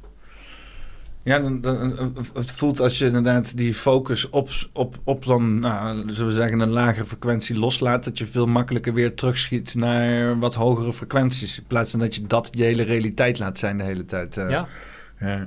En wat dat betreft eh, is het, het is ook wel een beetje een hoofdspelletje, lijkt het wel. Hè? Dat je constant bezig bent met het vormgeven in je hoofd van bepaalde observaties, gedachten die daaruit voortkomen. ja. Eh, woorden, hoe je dingen beschrijft en zo. Eh, visueel. eh, eh, dat is ook nog zoiets. Sommige mensen denken heel erg in woorden. en Ik denk heel erg in plaatjes of zo. Ik Ja. ben, Ja. eh, ben toch vaak wel een plaatje denken. Maar ook als ik het voor mezelf wil verhelderen, toch woorden nodig. Daarvoor praat ik met andere mensen. Om mijn eigen hoofd duidelijker te krijgen. ja. En daar is dit ook heel erg handig voor. Mhm. Het is voornamelijk voor mezelf, mensen. Het is leuk dat je kijkt, maar... Nee, maar... eh, eh, ehm, dat, dat, ja, dat, is- dat, dat, ik, ik ben er constant mee bezig om dat vorm te geven, om dat te kneden. Hoe, hoe, hoe, eh, om die perceptie eh, in, in, in, een, ja, in, een, in een stuk te krijgen waarbij ik niet eh, te veel in een negatieve spiraal naar beneden mezelf denk en zo. ja. Dat had ik vroeger deed ik heel veel. eh Ja. Zat ik eindeloos te malen in mijn hoofd over dingen. Dat is echt... Ja, Ja. dat doen we allemaal zelf. ja. Ja. Zonder dat we ons daar bewust van zijn. En eh, hoe meer je daar bewust van wordt, des te meer word je ook bewust van het feit dat je dat kan veranderen. ja. En, eh, en ja, die Eckhart Tolle, eh, die ik je net liet zien, ja. die, die zegt ook, als je in staat bent om in het hier en nu te zijn en alles te aanvaarden wat er is, je gedachten te, te zien zonder te oordelen, niet erin mee te gaan. Dus je, hij noemt dat ook, die man die beschrijft feilloos hoe, je, hoe het ego in elkaar zit, hoe het werkt. En, eh, en dat is ook waar ik de laatste maanden heel erg mee bezig ben. Totale overgave en alles wat. wat en ik, ik zat de laatste maanden weer met een darmontsteking. Maar die was er alleen maar om allemaal oude stukken via die darmen eruit te werken. En dat compleet in aanvaarding te zitten. En ja, het leuke is, je hebt het net over woorden. ik, ik, leer steeds meer juist om in die stilnis te zitten, in de stilte. Hm. Want in de stilte, daar gebeuren de mooiste creaties. En dat zit hier. En niet hier. En de, de, de, die mind is helemaal niet verkeerd hoor. Alleen de rollen zijn verkeerd. En dat zei Einstein al, dat noemde ik al eerder. Dit is eigenlijk de dienaar van je hart. Dat kunnen ze ook, uh, dat hebben ze ook via uh, uh, onderzoeken kunnen ze dat aangeven. Dat, er, gaan net zo, er gaan veel meer boodschappen van je hart naar, naar, naar, naar de hersenen dan andersom. Hmm. Alleen wij hebben dit zo prominent gemaakt dat er hier helemaal niet, niet, niet meer naar geluisterd wordt. Ik vind dat hele hartbrein gebeuren vind ik echt fascinerend. Ja. En ik zat daar ook uh, dingetjes over op te zoeken en zo. Uh. Het blijkt dat ze wetenschappelijk zijn ze er ook pas echt net mee bezig met aan het uitvinden hoe... ja. dat, dat, dat, dat, ze wisten al wel langer dat er, dat er een soort van breinachtige functie in je hart zat. Net zoals je darmen en waarschijnlijk op nog verschillende meer, meerdere plekken in het lichaam. Darmen, er zitten, er zitten meer receptoren dan in je hersenen. Ja, ja dat, dat soort dingen. En... En uh, maar ja, dat ze dat dus nu, nu pas, eigenlijk, eigenlijk met die neuroscience en zo, dat ze dat nu pas helemaal aan het uitvolgen zijn. Maar ik vind het fascinerend dat ja, je hart heeft gewoon een brein. Nou ja, dus als, maar ook gewoon als je denkt aan vroeger, met al dat soort kazige shit. Uh, laat het, weet je wel, luister naar je hart, je gut feeling, weet je wel, al dat soort dingen. Dat je denkt van, deze mensen wisten shit. Wij zijn nu alleen maar gewoon shit die we al aan het wisten, wetenschappelijk aan het bevestigen. Dat is het enige wat we aan het doen zijn. Maar er is al vroeger. uitdrukkingen. Wat heb jij op je lever? Oh. Ja, ja, Nou, met, met, die dingen, dat, dat klopt ook. En uh, een van die, uh, ik liet jou net uh, Bruce Lipton, dat is een van die nieuwe wetenschappers. Greg Braden is er eentje. En god, hoe heet die? die het zijn, het zijn momenteel drie. Maar als je informatie over, over het hart, andere informatie, heart math. Ik weet niet of je dat kent. Nee. Math met M-A-T-H. Die hebben zoveel onderzoek gedaan naar. Uh, Fascinating relationship between heart and brain. Ja, bijvoorbeeld. Heart Math is echt een, uh, een, een instituut. Ja. Ah, ja, ja. Ja, ik heb hier volgens mij ook gisteren net iets van zitten kijken. Het is misschien wel even leuk om even mee te nemen voor de mensen die nog nooit hebben gehoord over het brein in je hart. Ja. Did you know that your heart has an incredible, unique intelligence unto itself? Or that it has a significant influence on our perceptions, emotional experiences, and higher mental processes? And did you know that the heart can actually sense your emotional response to an event before the event has occurred? You may have instinctively felt that the heart was so much more than a blood pump, but science has actually confirmed it. Researchers discovered that the heart has its own intrinsic nervous system that sends a lot of information to the brain, affecting the way we feel, think, and perceive. In fact, the heart actually sends more signals to the brain than the brain sends to the heart. Scientists yeah. refer to this, yeah. this as the little brain in the heart. But don't let the diminutive name fool you. The heart brain can act independently of the brain in your head. Its neurons have long term and short term memory and extensive sensory capacities. The heart and brain communicate with each other in a complex dance. As we experience emotions through the day, our heart rhythm patterns tend to reflect how we're feeling. This information is monitored by the emotional centers in the brain, where they are then perceived as feelings of fear, anger, joy, appreciation, etc. When we get bogged down with stress, worry, impatience, information overload, or indecision, the heart's rhythm has a jagged and irregular pattern. The resulting disorder or incoherence in the nervous system creates noise or static that, in essence, causes the neurons in the brain to get out of sync, resulting in impaired mental functioning or cortical inhibition. We can feel energy drained with more mental fog, making it difficult to focus, remember things, listen deeply, and make clear decisions. However, on the upside, when we experience feelings like love, kindness, appreciation, or compassion, it creates a smooth, coherent heart rhythm pattern. This has a calming and balancing effect and creates more harmonious cooperation between the heart, brain, and hormonal system. This not only improves how we feel, but also our ability to think clearly. We can see creative solutions to problems and more easily discern intelligent choices and decisions. This is cortical facilitation. The good news is we don't have to wait until we happen to feel good to experience this uplift. We can choose to create it ourselves. Research shows that when we practice activating positive heart qualities, care, cooperation, forgiveness, etc., it has a carryover effect that increases the overall baseline of coherence in our system. So we have more resilience during stressful experiences and can more easily maintain our poise, confidence, and self security when challenges arise. This is the intelligence of a coherent heart. We offer many free tips and techniques to increase your heart coherence based on our 30 Ja. Ja, dat is g- grappig. eh, Ik ben er ook eh, recentelijk eh, op gestuurd. eh. maar ja, het, het- je krijgt een beetje krijgt het idee dat je zeg maar je brein moet bypassen om naar je hart te komen. Dus, dus, dus je je brein is dan helemaal bezig met, met allerlei dingen aan het verwerken, hè, wat er dan Mhm. gebeurt. En dan ga je je daarmee associëren, zeg maar, met wat, wat je brein allemaal aan het doen is. Ja, Denk je dat, dat je brein jij bent? Ja, daarom wordt dat eh, brein zo gestimuleerd van kinds af aan. Maar, maar hele jonge kinderen, die zitten nog veel meer hier zo. Ja. Daarom zijn ze ook nog, kunnen ze nog in verwondering zijn van, van dingen. En die voelen nog. Maar dat, dat leren we allemaal af tijdens het schoolsysteem. Ja. ja, dat heb ik zo ook wel echt ervaren, ja. Ja. En, eh, en, en, en ja. En, en dan ben je weer de rest van je leven bezig om dat allemaal weer, om weer daar weer los van te komen. Het is echt, eh, ja. En, en dat kan dus allemaal anders.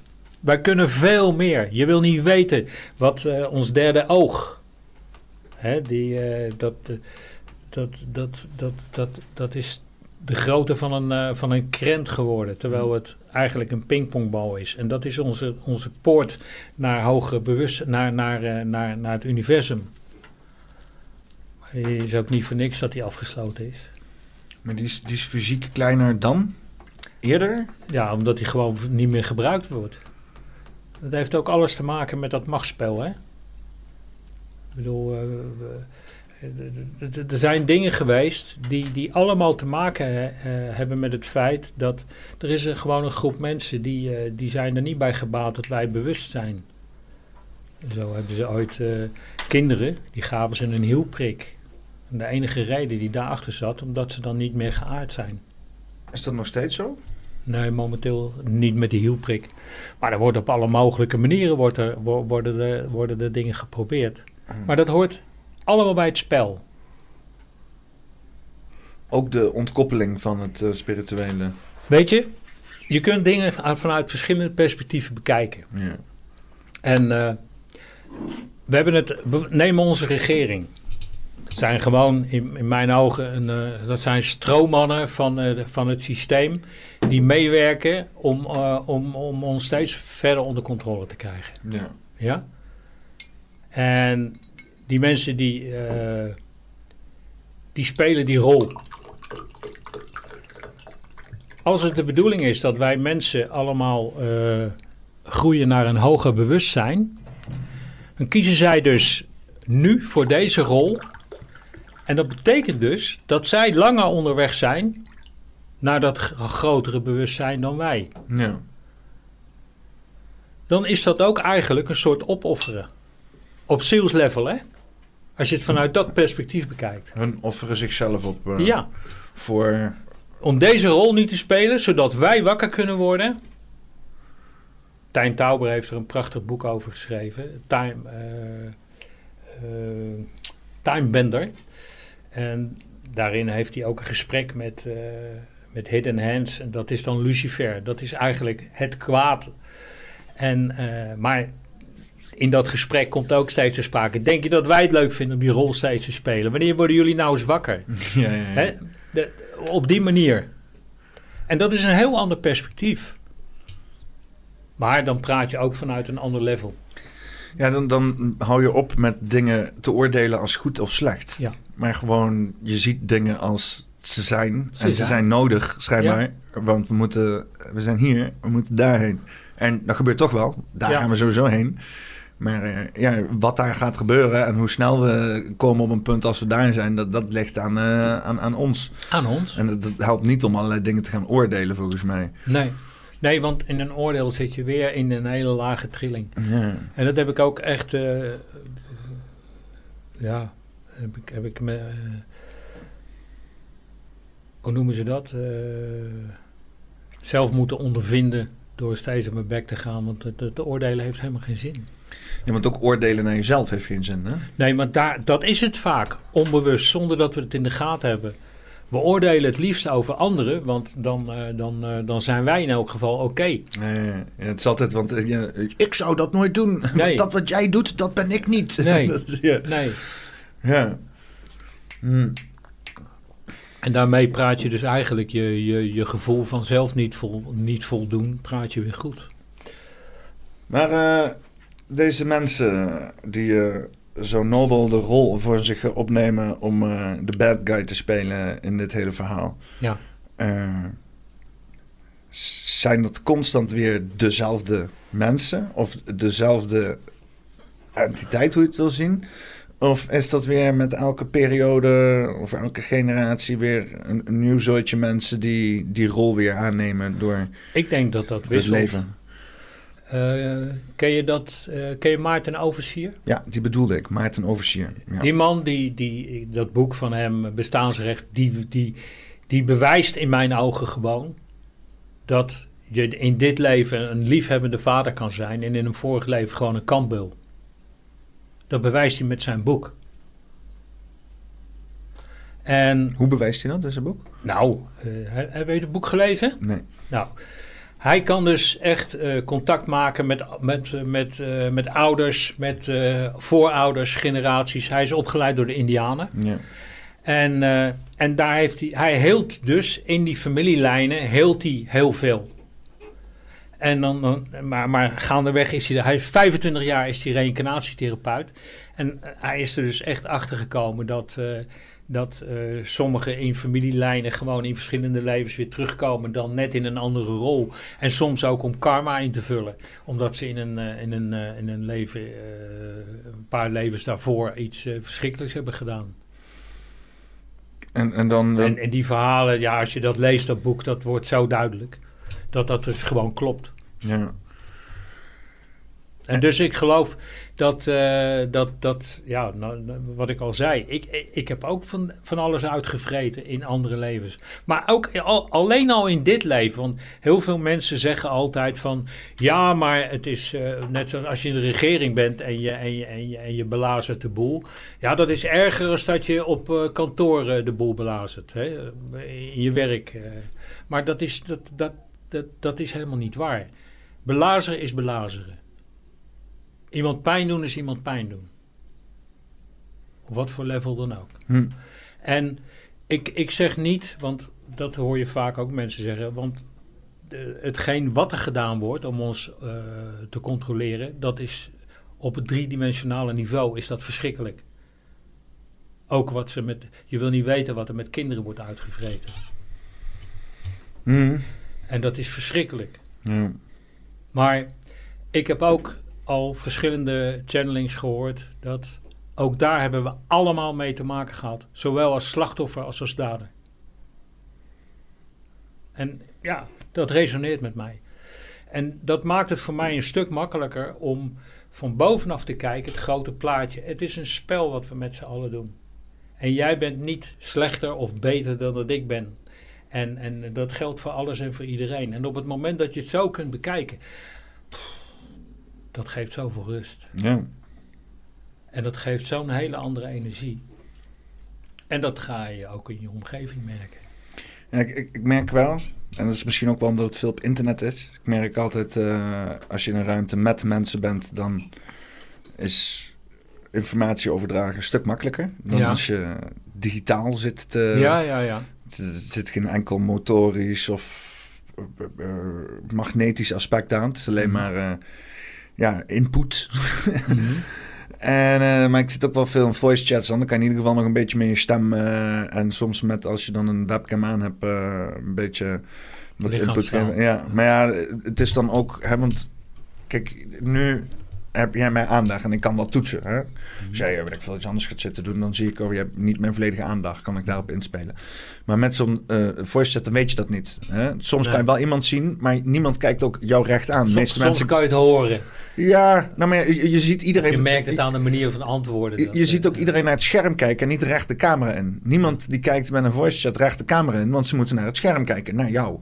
Maar wat er op dat scherm gebeurt, dat kan iets heel anders zijn. Ja. Dus met dat beseffen ze vaak bij mensen niet. Dat die aandacht die mensen denken te hebben, er soms ook niet is. En daar komen soms super miscommunicaties, omdat dan iemand reageert terwijl de ander verwacht dat hij een aandacht had, zeg maar. Mhm.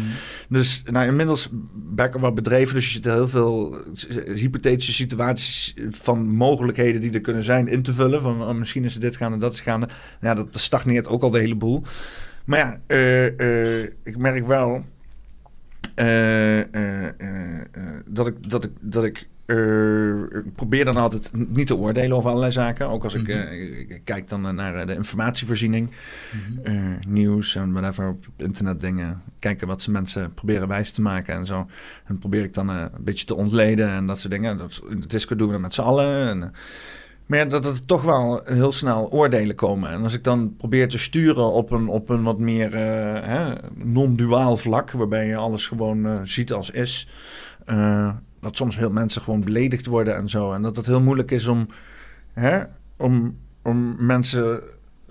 Dat, dat, dat, kan echt komen met vlagen, zeg maar. Hè? Mhm. Dus iemand hoeft maar een slechte dag te hebben en dan komt er alleen maar een bak oordelen uit. Sterker nog, ik heb het zelf ook. Eh, Ik heb het zelf ook. Ik ben me bewust van alle processen, maar om het ook daadwerkelijk eh, in gang te zetten, om, eh, om ook. ja, soms, soms dan ben ik boos en dan barst ik in woede uit. En Mhm. vroeger was ik er heel oordelend over. Nu heb ik zoiets van, nou, het zal wel ergens goed voor zijn. Mhm. Dus, dus, dus dat laat ik dan ook vrij. Maar het zijn toch van die dingen dat je toch wel weer denkt van... Ah, ik moet toch weer onder de... eh, weet je wel, in de zij lopen laten prikken, zeg maar, Ja, door dingen. ja. Ja, op het moment dat, eh, dat dat gebeurt en je bent je er bewust van, dan kun je er ook voor bedanken. Dat je dankbaar bent dat dat stuk wat bij jou getriggerd wordt, naar boven komt. Als je het kunt zien, hè. Want juist door die 95% dat we zo onbewust zijn, doen we heel veel onbewuste dingen elkaar aan zonder dat we dat bewust willen. Er wordt zo vaak gezegd, dat doet hij bewust. bewust, als wij minder dan 5% bewust zijn van wat we doen. Daarom zeg ik ook altijd bewust zijn. Ik, ik, ik heb het altijd over twee woorden. Dat je aanwezig bent in wat je doet. Maar meer dan 95% reageren wij. En reaction is gewoon een herhaling van een actie die we ooit in het verleden een keer gedaan hebben. We zijn geprogrammeerd om ons steeds op dezelfde manier te reageren. En dat wordt dan bij de ander gelijk gevoeld, die ook in zijn onbewuste stuk zit, van een aanval op zichzelf persoonlijk, terwijl hij niet doorheeft dat het een pijnstuk is wat bij hem zit, wat geraakt wordt. Ja. En dat heeft bij ons allemaal bijna, bijna te maken van ik word niet gezien. En dat is een heel groot pijnstuk. Ja. Maar op het moment dat je je daar bewust van wordt, kun je stapje voor stapje leren dat je dus niet als iemand jou eh, eh, een, een rotopmerking tegen je maakt, om dat niet persoonlijk te nemen. Omdat je weet op dat moment dat hij in zijn onbewuste staat van zijn is. Ja. Ik, ik, ik had laatst had ik een beetje een, eh, een boze reactie tegen iemand. Ja, Maar ik was zelf niet heel boos. nou, Eh, alleen eh, die persoon was zo aan het ratelen en het draven en iets. mhm. En ja, ik- werd wel een beetje aangereikt in mijn ego. Want hij probeerde mij eh, eh, uit te leggen wat, wat hij ethiek vond. Mhm. Alleen hij was alleen maar dronken aan het brabbelen. Dus ik had zoiets van, ik ga niet een of andere Ja. ethiekles van jou nemen als jij hier half dronken staat te brabbelen. Mhm. Dus, dus dat. En ik heb dat in een verheven stem heb ik dat tegen hem gezegd. En eh, ja, weet je wel. Hij zei ook van, oh, ik heb iets bij je geraakt. Ik heb iets bij je geraakt. Mhm. Ik denk, ja, nee, ja, dat interesseert me niet zoveel. Maar je loopt gewoon dronken tegen me te brabbelen. Kan je, kan je ook boos zijn zonder... eh, kan je verlicht boos zijn? Of is het altijd gewoon een zwakte teken? Oh, het is helemaal niet erg als je boos bent. Integendeel, het, het kan ook een hele krachtige energie zijn. Maar je hoeft het niet af te reageren op iemand. Hmm. Bij Avatar heb ik geleerd dat je dus gewoon in een stoel kan gaan zitten.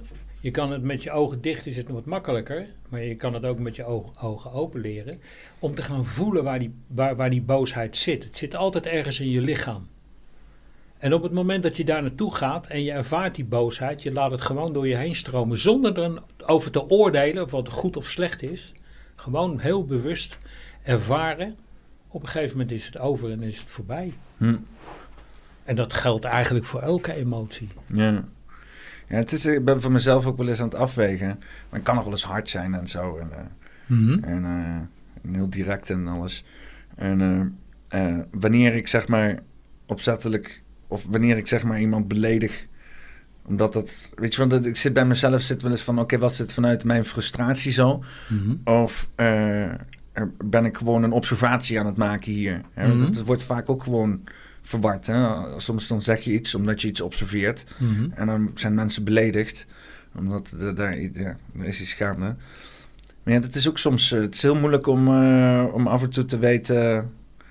ehm, met, met wat, wat, wat je intentie erachter is of zo. Of ook voor Ja. mezelf gewoon. Ja. Weet je, want ik soms, soms echt moet ik echt, echt weken over iets na te denken. Denk van, heb ik hier nou... Hoe, waar- waarom reageerde ik nou zo? Hè? Het is, Ja. eh, ja. Ja, nou, dat is een van de dingen die, eh, ja, die hoor je ook vaak zeggen. Je, eh, je moet wel je waarheid blijven vertellen. En dat geloof ik ook. Alleen, ik geloof dat je ook, zeker naarmate je bewuster bent van jezelf, ook de verantwoordelijkheid hebt dat als je weet dat jouw waarheid bij de ander niet aankomt, dat je dan je mond houdt. Hm.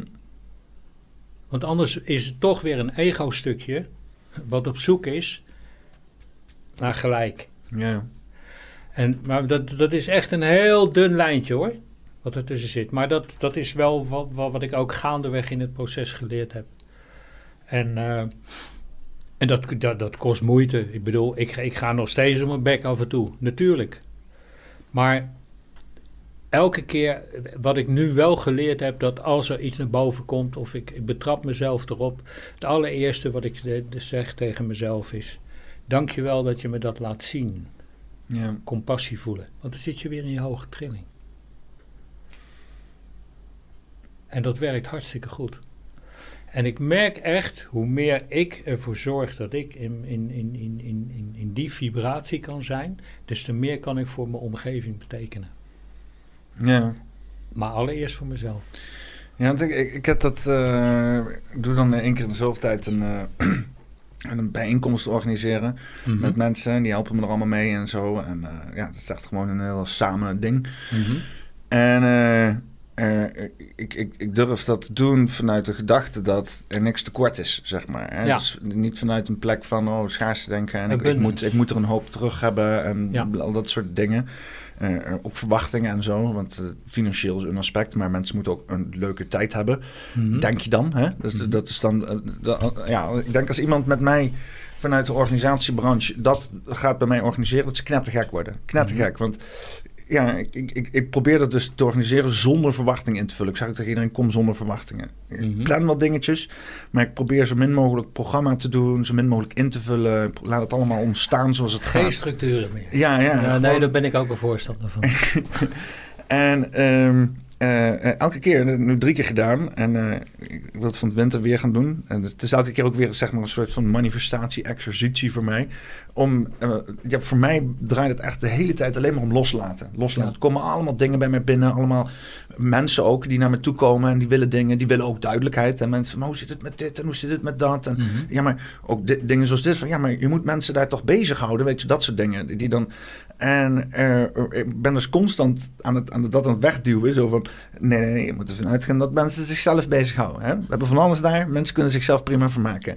Eh, weet je wel, de, de, mensen moeten ingepland doen. Dus Als ze niet weten wanneer ze kunnen zijn, dan zeg ik, nou, maak ergens een tijdsveld, maar laat het gewoon los. En, eh, en maar ook tegen mezelf. Dat je dus echt op een gegeven moment ja, overrompeld wordt met gedachten van... ja, wat als mensen het niet leuk vinden? Wat als ik het financieel niet rondkrijg? Wat als ik tekort kom hier? Bla, bla, bla, bla, allemaal dingen en zo. Om dat constant van je af te laten spoelen... en constant mm-hmm. door je heen te laten gaan... en dan inderdaad buiten staan van... nou, oké, okay, ja, fijn, hebben we ook weer gehad. Dan gaan we weer lekker ja. door. Uh, maar... Uh, uh, ik merk echt dat, dat die manier van dingen doen... dat, dat is nagenoeg weerstandloos. Ja. En, en met, het lijkt wel met hoe minder je erin stopt, hoe meer eruit komt. Ja, maar het is ook zo. Het, het, het, we denken allemaal dat we heel hard moeten werken, maar dat is juist helemaal niet waar. Dat hoge zelf waar ik het over had, die ziel, die God. Als jij zonder weerstand bent, dan werkt die gewoon door je heen. Ja. En da, dan ga je leven. En, en dan natuurlijk, dan kan, dan kan het best zijn dat je op een gegeven moment ergens pijn over voelt. Maar ook dat, waar we het al eerder over hadden, aanvaard dat gewoon. Ja. Het is een ervaring die je opdoet. En op het moment dat je dat kunt, geeft het je weer veel meer bewustzijn en power. En heb je weer wat geleerd. Ja. Dat is net als dat er. De, de, de, um, over dat, uh, dat de donker en het licht. We moeten dat donker bestrijden.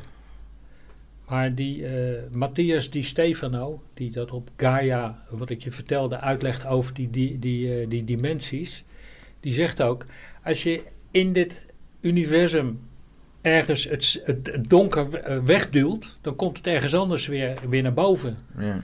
Licht en donker zijn ook gewoon aan elkaar gekoppeld. Alleen hoe ga je ermee om? En hoe bewuster word je van jezelf en van je eigen donkerte? Want dat is vaak wat we. Uh, daarom zijn we zo vaak de, de, de, de, het contact met onze aarde kwijt.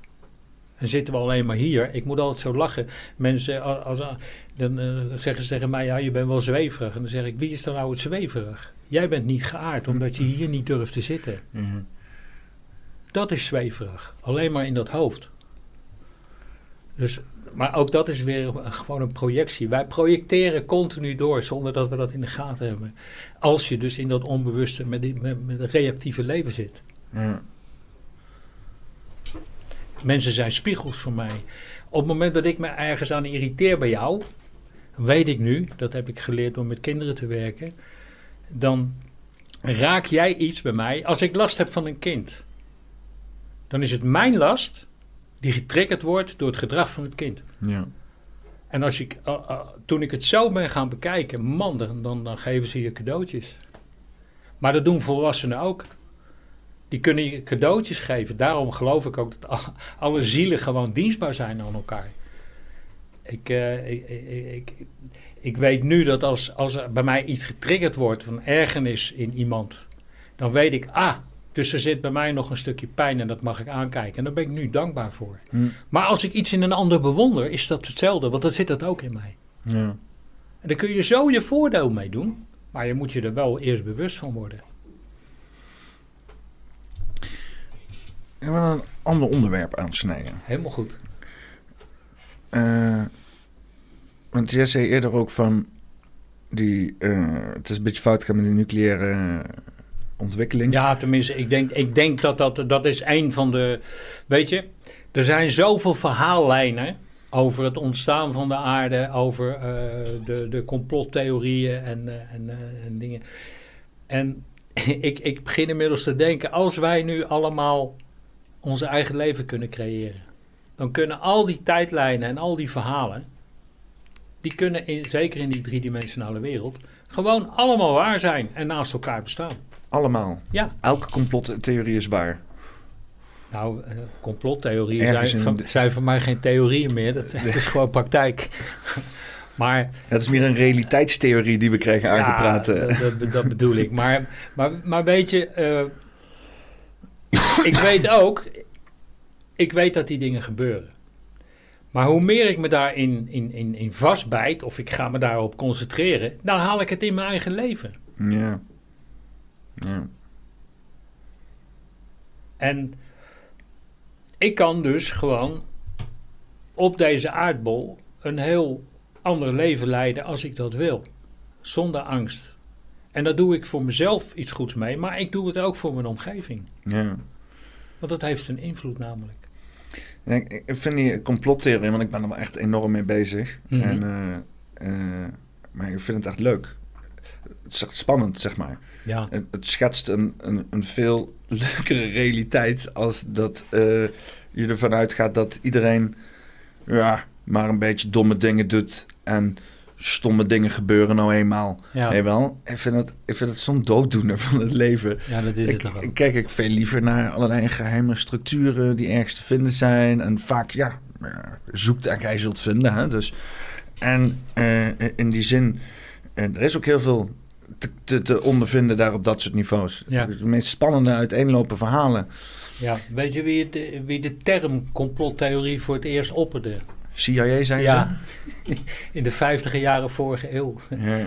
Was- En, en als er één organisatie geweest is die bewezen heeft dat er complotten zijn gesmeed, dan zijn zij het wel. Ja, ja. Het is een beetje hetzelfde als eh, Noord-Korea die zichzelf een, een democratische republiek noemt, zeg maar. Eh, Ja, Ja.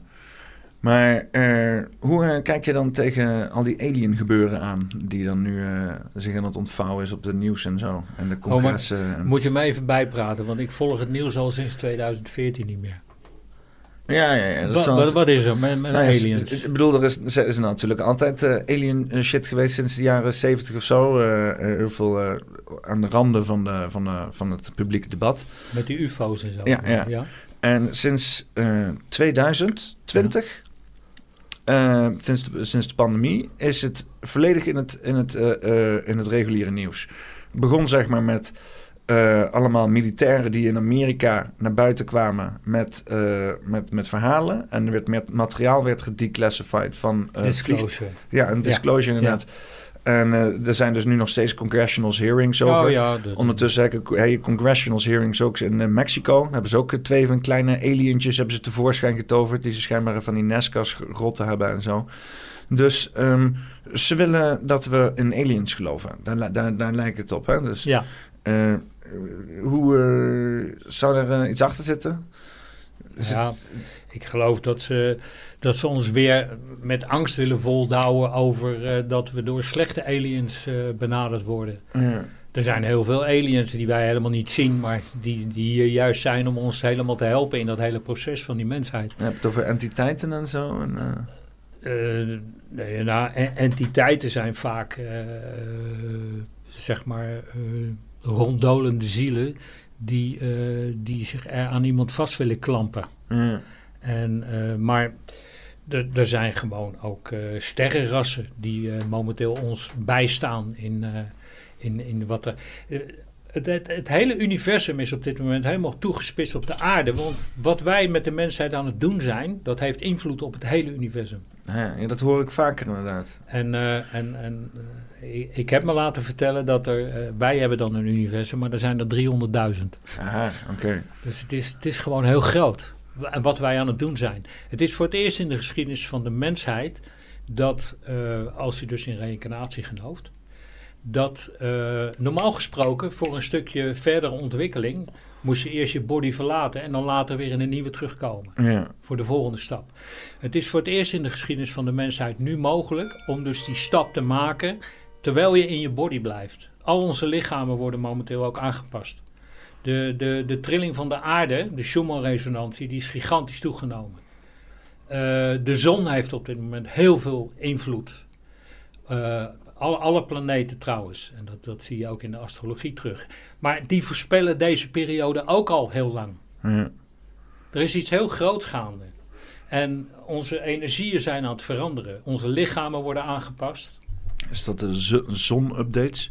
Ja, de, de, de, de schijnen. Ja, ik, ik, ik, ik, ik lees ze nooit, maar eh, 21 december 2020 was eh, voor het eerst weer in 7000 jaar, dat gebeurt in de, eens in de 7000 jaar, dat eh, alle zonnen en manen in ons universum allemaal op één lijn stonden. Oh, oké. En eh, ja, 2020 was sowieso een. eh, en, dan, en dan precies op de 21ste, hè, dus eh, de, de, de. Hoe heet het? De, de overgang van. van de naar de winter. Oh ja, ja. winter solstice. Ja, solstice. Ja.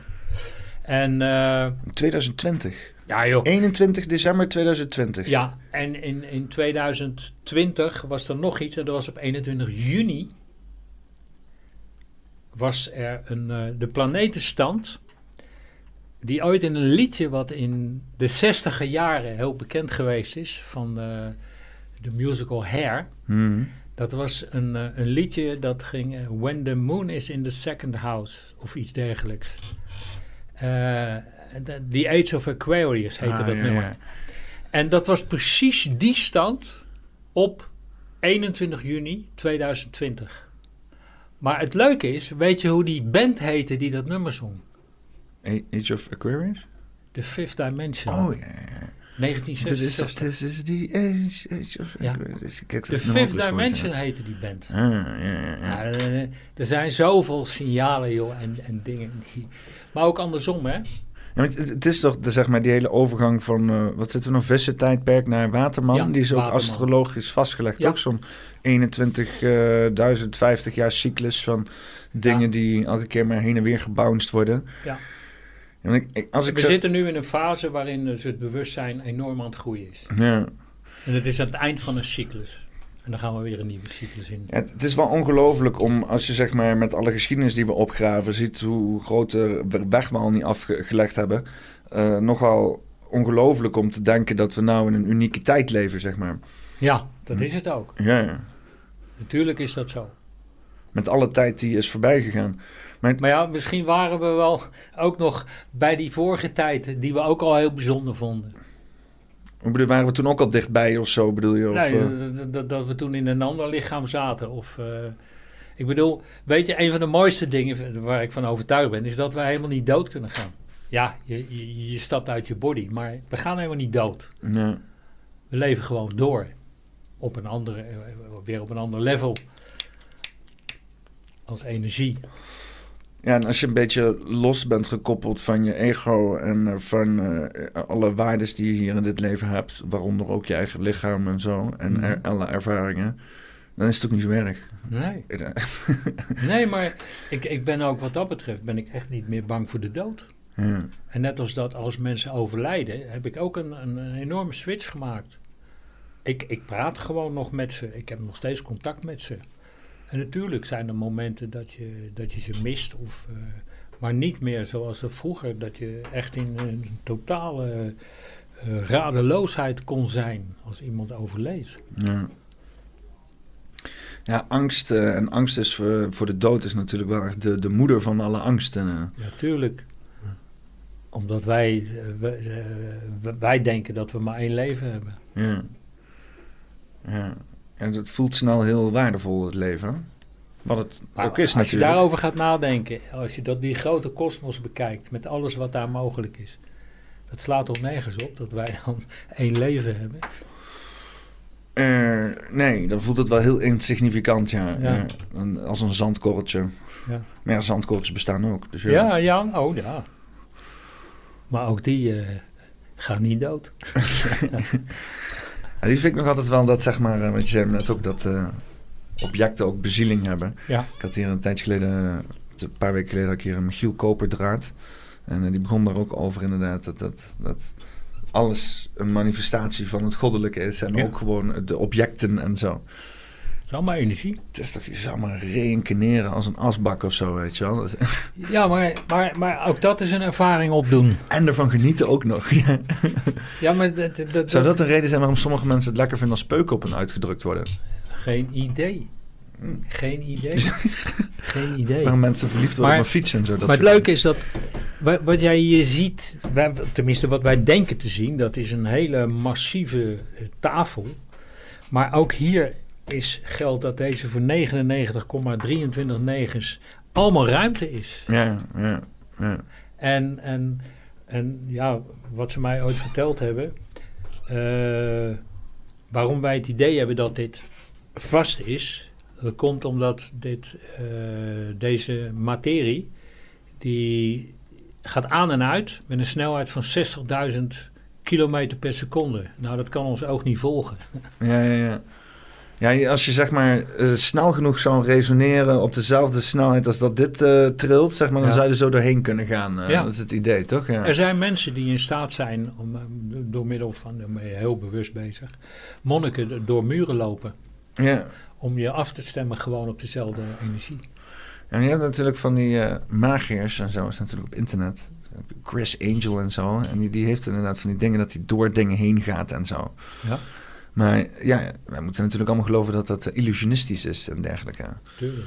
Eh, of, of misschien heeft hij een verborgen techniek of iets dergelijks. Maar zou dat echt zijn? Ik denk dat er momenteel al eh, illusionisten zijn die werken met, eh, met dat soort eh, bewuste energieën. Hmm. Dus dat het echt is. Ja. Dat geloof ik, ja. Ja, het is ook wel dat het proces van eh, dat we allemaal rustig aan wakker worden. En dat er zeg maar lichtjes die aangaan, één voor één. En dan eh, die eerste lichtjes die aangaan, dat is dan... eh, eh, nou, heel leuk, gefeliciteerd, je bent er als eerst. Maar nu moet je wachten totdat de rest aangaat. Het is een beetje alsof je, als je op het eerste op het feestje komt... dan krijg je een drankje en dan ga je op de bank zitten in een lege kamer. Ja. Het is wel natuurlijk heel logisch. Het zou echt, als iedereen in één keer zo zou aangaan en zo... Ga, dan, echt- echt. een probleem. Zou dat al eens een keer eerder gebeurd zijn of zo? Eh, dat het dan eh, dat er nu allemaal dimensies zijn opgeschoven naar een soort van de ideale dimensie waar het niet langzaam genoeg gebeurt en niet snel genoeg gebeurt. Dat het uiteindelijk altijd daar moet zijn, maar dat er dus Mhm. dat het al.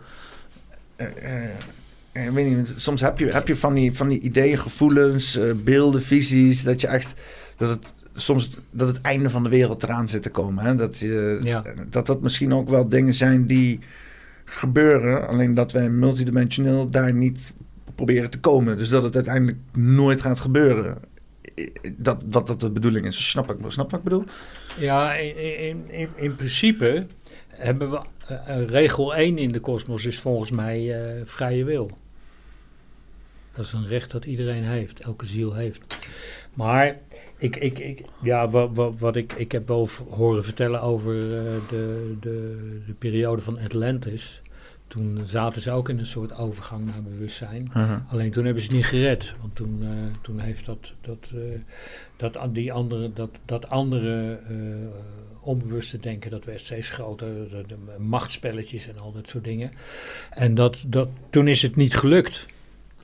En dat dit eigenlijk een soort eh, hernieuwde kans is. Oké. En, en wat ik ook van verschillende kanten al heb gehoord, is dat we verder zijn dan dat ze ooit hadden verwacht. Meen je? Op dit moment. Goed nieuws. Ja, ja, ja. Maar dat hoor ik soms, soms het is heel makkelijk pessimistisch te zijn als je naar de wereld Oh, kijkt. ja. Dat is Ja, natuurlijk, maar- dat is natuurlijk ja, ook de jij, grap. Jij, jij volgt het natuurlijk ook vanuit, vanuit het werk wat je doet. Vergis je niet wat voor invloed dat op, jou, op jouw eh, energie heeft. Ik ben constant allerlei rituelen aan het doen om mezelf Ja. te beschermen in een Ja, maar dit is boze ook, wereld. Dat is ook heel goed. Ja, maar, En, en, maar tegelijkertijd kan je het als een prachtige oefening gebruiken om toch bij jezelf te blijven. ja. Nou, ik probeer, weet je, eigenlijk als ik erover nadenk, dan is het, het is allemaal perfect voor mijzelf. Want ik geniet van chaos, ik vind, het- ik vind het heerlijk. Ehm, eh, ik, ik heb een, eh, een heel uitgebreid, breed gevoel van humor. Mhm. Eh, en ja, je ziet gewoon zoveel dingen. Want het feit dat je gewoon die hele situaties, dat je die hele situatie waar we ons nu in zitten, daar is zoveel humor in te vinden. Oh, met, met mensen die niet snappen wie ze zijn en proberen iets uit te drukken. De communicatie die misgaat aan alle kanten op niveaus, gewoon op wereldniveau. nee, weet je. niks Dat is echt- afgestemd meer op. Nee. het is, het is, ik vind het hilarisch. En Ja. natuurlijk zit er, ja... Nou ja, ik vind het gewoon hilarisch. Eh, Ik, ben natuurlijk ook eh, ik ben, eh, in een tijd op het internet gekomen en... ik denk ook wel dat ik ligt dat, dat heel veel van mijn generatie daar echt serieuze trauma's van hebben ondervonden. Van ja, op je achtste rauw internet tot je nemen. Hè? Dus onthoofdingen, verkrachtingen, kinderporno, de hele bende. Gewoon ja, op je achtste tot aan je twaalfde, totdat, totdat een beetje besef van wat, wat gebeurt hier. Mm -hmm. En, en helemaal niet raar van vinden. Want je neemt het gewoon mee en je praat er ook niet over met je ouders. Je ouders die weten niet dat je aan het doen bent. En nee. Het is een hele rare discrepantie. En ik heb dat echt de afgelopen tien jaar moeten, moeten ont, ont, uh, ontvouwen van joh, wat is mij gebeurd in mijn jeugd en hoe, is, hoe, kan dat? Weet je hoe ga ik de, zijn dat dingen die dat, uh, hè, processen die, waarop dingen stuk lopen en zo. Maar ik kan dus heel veel hebben op het internet. Weet je wel, al die shit waar mensen zich nu druk maken over dat er dingen gezegd zijn, mensen die hysterisch zijn, raar gedrag, uh, trigger words, uh, rare memes, plaatjes, uh, waar mensen echt in één keer helemaal van getriggerd kunnen raken. Hè? Dus Ja. racisme bijvoorbeeld, weet je wel. Ja. Als je ergens een keer een fout woord dropt, dan, dan, dan kan je meteen een hele hetze over je heen krijgen, omdat Ja, je een fout woord hebt gebruikt en dat soort dingen. Ja, die hele woke... eh, Ja, ik, ik, ik zit daar naar te kijken. Ik denk, joh, mensen maken zich druk over dingen. Kijk al die mensen zich druk maken. Ja, ik probeer daar meer mensen mee te nemen. Zo van, hè, want heel veel mensen zitten daarnaar te kijken. En het is ook een beetje een ding van... Ik vind het ook moeilijk wegkijken. Hè? Het is zeg maar een soort van eh, ja, ongeluk. Het is een beetje ramptoerisme, denk ik. Ik weet niet hoe je dat moet zien. Nou, dit- weet, weet je, het, is, het punt is, net wat ik zeg, hè. Eh, je, je kunt natuurlijk zeggen van het is er allemaal niet, maar dat, dat, dat klopt niet. Nee. Het is er allemaal wel. Alleen je kunt, ja, zoals, zoals ik er zelf mee heb geleerd om te gaan, is ik weet dat het gebeurt. En ik denk dat eh, als die beerput echt open gaat, dat er nog heel veel dingen staan waarvan ik van met mijn oren sta te klapperen. Maar ik weet ook dat het, wat ik je zeg, dat het hoort bij, bij het spel. En als ik op een ander level kijk, als ik op zielsniveau kijk, denk ik dat het allemaal bij een spel hoort wat we ooit met, met elkaar hebben afgesproken. Ja. En vanuit dat perspectief kan ik er anders naar kijken. En je kunt dualiteit ook op twee manieren zien. Hè? Je kan het als tegenovergestelde zien, maar je kan het ook zien als aan deze kant van de lijn heb je het nulpunt en aan die kant heb je het 100 punt. Ja. En waar, waar wil je staan op die lijn? Dus dat, dat zijn toch twee verschillende manieren van kijken daarnaar. Ja. Of kijken naar dat. En ik, wat ik wel geleerd heb, is dat dit, dit hele systeem, dat gaat er juist ook om, om verdeeldheid te zaaien. Zolang je verdeeldheid zaait, kun je alles doordrukken wat je maar wil. En dat is al eh, heel lang is dat zo gebeurd. Alleen de laatste jaren is het zo duidelijk geworden, omdat, ja, ik, ik, ik, zeg, ik zeg die, het zijn gewoon verslaafden. Het zijn gewoon verslaafde mensen. Verslaafd aan macht, aan controle, aan, eh, aan geld. En dat, dat is dus een ziekte. En dat betekent dat je het op een gegeven moment niet meer, niet meer kan verbergen. ja. En daarom wordt het duidelijk en stort het systeem gewoon vanzelf in. En je zou op, eh, ik- zoals ik het zie, is dat het overal, eh, in ieder geval qua verdeeldheid, Mhm. dat gebeurt in de politiek. Politiek is voor mij is dat in ieder geval het mechanisme, zeg maar. Politiek is echt dingen uit elkaar trekken en tegen elkaar opzetten. Eh, inherent tot politiek voeren. Want je ziet ook niet dat politiek alleen maar in de Tweede Kamer wordt gevoerd, maar ook in allerlei instanties of organisaties of Ja, gewoon en- vriendenkringen, families, Ja. eh, weet je wel. En op een gegeven moment, eh, heel veel mensen zien dan politiek of diplomatie, hoe je het ook wil zien, als een stap om, om niet in gevecht met elkaar te komen. Ja, Maar het is eigenlijk ook een plek waar je, het is, het is, het is bij verre weg ideaal, zeg maar. En het is nu, wordt het genomen als de norm. Dat we moeten ons allemaal bezighouden met politiek, want dat is de enige manier hoe we dingen gedaan krijgen. ja. Terwijl het is zo onzinnig. Eh, in plaats van dat je je focus op, dat, op de dingen die je, die je samenbrengen en de verschillen lekker eh, zijn op een andere manier, zit iedereen zich constant te focussen op de verschillen. En bij de politiek in de Tweede Kamer is het verschrikkelijk, want dan ondertussen worden er allemaal dingen doorgejast waar niemand het over heeft. Maar Het is de ideale manier om allerlei dingen te verhullen, om ja. eh, corruptie eh, open spel te geven. Om, eh, het is, je zou eigenlijk de politiek in moeten gaan om de politiek te breken. Dat Ja. is de enige reden hoe je de politiek in zou moeten gaan, is om de politiek te breken. Niet om het land te breken of het bestuur te breken, maar om het politiek als spel te breken. Ik, denk, ik denk dat, we, dat, dat, dat, dat daar hoef je helemaal niet in te gaan. Dat, gaat, dat doen ze zelf al. Ja. Ik, want eh, het, is te- het is gelijk, je hebt gelijk als je zegt van eh, je ziet dat toenemen. Maar tegelijkertijd weet ik ook dat er steeds meer mensen bewust worden. En dat gaat momenteel in een razend tempo. De afgelopen eh, drie jaar zijn er meer mensen bewust geworden dan de afgelopen 300 jaar. En de Mhm. afgelopen drie maanden meer dan de afgelopen drie jaar. Het gaat echt in hoog tempo nu.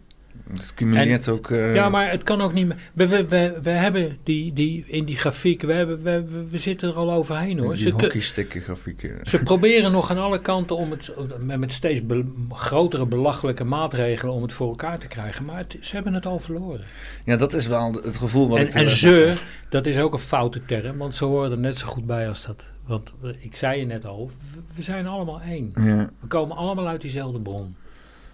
En daarom heb ik ook geleerd om. Ik stuur ze elke dag stuur ik ze, stuur ik ze liefde en compassie. Want dat is wat ze hard nodig Ze hebben ons nodig om weer hier te komen. Ja. Ja, Daar zijn ze helemaal uit. moet, moet niet vergeten dat hun degene zijn die zichzelf opofferen voor ons. Ja, dat, het is maar net vanuit welk perspectief je kijkt. Ja. En, en ik heb ook die rollen gespeeld. Ik durf dat voor mezelf te zeggen. Ik kan over niemand anders oordelen. Ik, ik, eh, ik, eh, ik kan het alleen voor mezelf zeggen. Maar als ik eh, zo'n boek lees van Maarten Oversier, dan echt, ik, ik raad je aan, ga dat boek eens lezen. Ja. ja, ik heb heel veel... Of ga naar een lezing van hem, want Ik- ik heb heel veel van die- land. Ik heb van die gesprekken op internet van hem gevolgd. Hij heeft heel veel interviews en zo. En, Ja. Ik ben niet zo'n lezer. Dat is, eh, dat is wel Nee. jammer. Maar Ja, maar hij geeft ook lezingen. ja, ja, ja, dat is wel dat is interessant. Ja, ik zou, hem ook, eh, ik zou hem ook eens een keer graag op de podcast willen ontvangen. Mhm. Maar daar moet ik maar klaar voor zijn hoor. Want eh, hij is intens. Ja, dat geloof ik.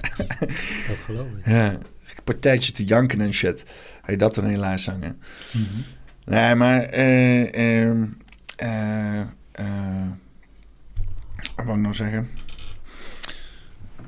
Eh, ja, die, die, die tijd die we leven, je ziet ook, ik, ik zie ook, het, het voelt ook wel een beetje alsof, eh, eh, als ik dan kijk naar, want ik, ik ben, ik ben fan van complotten en zo, en eh, ja, er zijn heel veel complotten die dan gewoon nu uit worden gevoerd, dat er echt gewoon dingen worden gedaan. Als je Bill Gates een beetje volgt, dan denk je ook, deze man, die is, eh, dit, weer, dit wil het weer manipuleren, en die Ja. heeft zich bemoeid met de vaccins, en nou ja, los van alle dingen die hij met Microsoft heeft gedaan, de, gozer legt er zo dik bovenop.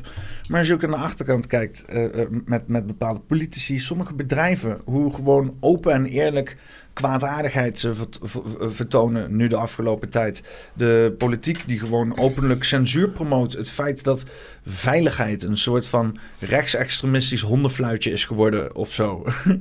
Eh, of eh, vrijheid bedoel ik. Vrijheid is een rechtsextremistisch hondenfluitje geworden. Dus je ziet ze echt heel op, duidelijk, inderdaad, zie je hem allerlei mechanismes gaande om maar dingen in een, ja, in controle te krijgen. Het is heel opzichtig. Ja. Het is, eh, ja. Maar dat heeft volgens mij dus te maken met het feit dat ze donders goed weten dat ze aan het verliezen zijn. Ja, En eh, ik denk ook, tenminste dat heb ik me wel eens afgevraagd. Ik had altijd het idee van nou, die mensen die voelen zich heel zeker en dit en dat. Maar volgens mij zijn ze scheidbang. ja. En leven ze zelf ook in angst, in die lage trilling. Ik bedoel, al die mensen die steeds meer hebben, die moeten overal hekken omheen zetten. Het is allemaal angst. Die leven in angst. En Alleen dat realiseren wij ons niet. Die leven in, nog, in meer angst dan wij. En dat heeft ook te maken met, het- met het principe: als je mensen gevangen wil houden en controleren, wees je bewust dat je, zelf, dat je jezelf ook gevangen zet. ja. Want je moet blijven controleren. Dus je hebt zelf ook geen leven. Eh, zeg maar, als je een, eh, een eh, ik probeer een metafoor te vinden, zeg maar. Ik zie het een beetje voor me als, zeg maar, zo'n, je zit in een, in, in een huis zonder deuren met een hond. Ja. En die hond zit vast aan een, aan een muur met een touw. Ja. Je zou vanaf het begin af aan eh, eh, lief kunnen zijn tegen die hond. Kan die hond vrij. En dan kan je gewoon leuk in een kamer zitten met een hond. ja. Dan kan hem ook de hele tijd irriteren en zo. En dan moet hij aan die lijn blijven. Want als jij, dan mis je gewoon een kwart van die kamer. Want als Ja. jij in de buurt van die hond komt, dan vreet hij op. Want Ja. die is... eh, Ja. ja, zoiets. je beperkt alleen maar jezelf door iemand in, in, in, in een bepaalde macht te willen houden. Als je erachter komt, dan... Ja, ja, ik bedoel, een cipier, die is toch ook eh, een groot deel van, eh, van de week, is die zelf in de gevangenis? ja, ja, ja. ja Zit je wel in die sferen. Ja, ja. En, en dus, het is, het is wel volkomen waanidee. De- Maar ik heb het zelf ook gehad hoor. Dat ik dacht van nou, die mensen zijn hartstikke gelukkig en eh, die hebben het helemaal naar hun zin. Nee, die, die, die leven volgens mij ook in hartstikke angst. Nog erger dan wij. Ja, ja maar me voorstellen, maar ik bedoel, ik heb af en toe wel eens En angst. ook onbewust hè? Ja, ik, ik heb af en toe wel eens angst dat ik denk van, eh, eh, eh, oh, daar gaan consequenties van komen of whatever. Hè? Al is het al gewoon een waanidee. Maar moet je voorstellen dat dat is, is als jij v- 100.000 mensen aan het werk hebt, 200.000 mensen of verantwoordelijk bent of voor miljoenen mensen of eh, het, het gezicht bent of whatever the fuck eh, van zo'n groot maatschappij. Of niet eens dat mensen je kennen, maar dat je gewoon de eigenaar bent van eh, miljarden, honderden miljarden. En, eh, met alle mensen die er verantwoordelijk voor zijn. Het is best reëel dat, er dan, dat, dat je iets fout doet. Wat Mhm. levensconsequentieel is voor iemand die daar iets van gaat vinden. En dat dat weer terugkomt naar jou. Ik bedoel, de, de potentie op slechte karma als je zo'n grote invloed hebt, is immens. Ja. ja. Dan moet je ook wel gewoon alleen maar blijven doneren aan goede doelen. Dan Ja. hoop dat het je karma schoonhoudt. Ja. ja, dat, is, eh, dat, is, dat is- het lijkt mij ook geen chill bestaan. Nee. Nee. En, en eh, ja, de, de, de doodsteek natuurlijk voor, voor ons, dat is hiërarchie. Dat heeft ons allemaal eh, zogenaamd van verschillende rangorden gemaakt. Ja. Terwijl ieder mens is gewoon volkomen gelijkwaardig aan de ander. Niet, niet, niet dezelfde, niet, eh, maar gelijkwaardig, absoluut. Ja. Ik bedoel, eh, en, en, da- maar dat, uiteindelijk heeft dat er dus voor gezorgd dat het systeem ook zichzelf de das omdoet. Ja, a- als je dus eh, eh, mensen hebt, eh, je merkt gewoon dat heel veel mensen strijdbaar zijn. Hè? Zoiets hebben van ik wil iets doen, laat Ja. me iets doen. Er moet iets gedaan worden misschien, Mhm. sommige mensen. Eh, en je hebt zelfs ook een beetje een, een, een meme rondgaande. Ze zeggen onder ons, eh, on- met kijkers en zo, zeggen we twee weken, twee weken nog. Hè? Dus eh, oftewel, blijf passief, doe niks. Alles komt vanzelf goed wordt, wordt een beetje. Je kan ook zeggen van. eh, Houd je lekker passief, zeg maar. Mhm. Wat, wat zou jij erover zeggen? Nou ja, ik denk dat we wat dat betreft ook allemaal verschillende rollen hebben. En eh sommigen die, eh, die, die, die, eh, die zijn hier om te rebelleren en om dingen duidelijk te maken. Maar die zitten ook in een, een leerproces dat, denk ik, probeer eens te rebelleren zonder de strijd aan te gaan. Mhm, mhm. En dat, dat is verdomde moeilijk. Ja. Want zodra je in de strijd gaat zitten, hou je weer het systeem in stand. ja, ja ik, ik zit daar nu. Daar ben ik nu exact mee bezig. Ja. Om, om, om niet het gevecht aan te gaan, maar Ja. toch te kunnen rebelleren. Ja. Want, eh, ik, ik, ik, moet, eh, ik moet rebelleren. Ja. En, eh, en eh, ehm, maar ik, ik ben, ik bedoel, aan de ene kant is de rol me in de, in, de- schoenen geschoten, want ik ben zo passief als fuck eigenlijk van mezelf. en als ik, niet, als ik al niet passief was, dan zorgt eh, deze jongens er wel voor dat ik daar passief van word, zeg maar. Eh, valt ook iets over te zeggen. Eh, ik vind het wel handig. Maar ik ben wel, ik, ik probeer dus inderdaad, en ik ben het ook vaak in, in, in conversatie aan het doen, inderdaad expres niet de strijd aangaan. Ehm, eh, ja. Wat, ja, ik weet niet. Eh, Dat is, dat is, en ik weet niet of het, het, het moeilijk is. Het is ja, maar dat, iemand die zei toen eens tegen me van... ja, als je in strijd gaat met de duivel, dan word je de duivel. Mhm. En dat volgens mij staat het ergens in de Bijbel of zo, of zoiets, weet ik veel.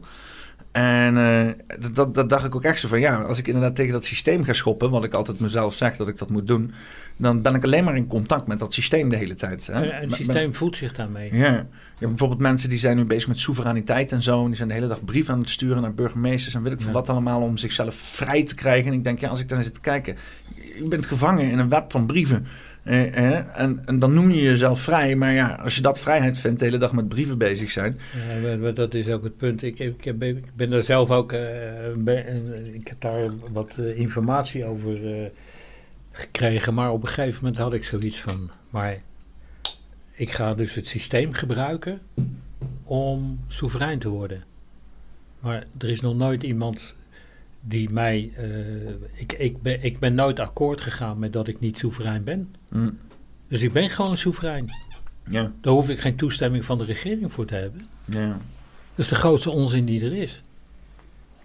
Het is meer een mindset dan dat Ja, het maar dat eh, is op het ook. geschreven staat. Dus, dus voor mij was dat eh, toen snel afgehandeld. Ik ga me daar niet induiken. En oh, oh, sowieso niet als ik al die discussies zag die, eh, die mensen met elkaar voeren. Dan, die waren weer aan het, aan het vechten met elkaar. En het is ook, als je moet vragen om vrijheid, dan ben je niet vrij. Dat is, het is wel zo. dat Ja. Mensen een brief sturen van mag ik alsjeblieft vrij zijn. Toestemming hebben van... Ja. van, van, van, van- ja. Maar dat is hetzelfde. de- de- de- het werkt zo raar hè, in ons systeem. Wat heel veel mensen niet weten. Maar onze rechterlijke macht, onze regering... zijn gewoon allemaal BV's hoor. Hm, staan allemaal ingeschreven bij de Kamer van Koophandel. En ik heb kort geleden begrepen dat ze ook allemaal weer uitgeschreven zijn op Ja, dit moment. En wat daarachter zit, weet ik niet. dat is ook een dingetje inderdaad. Daar, Ja.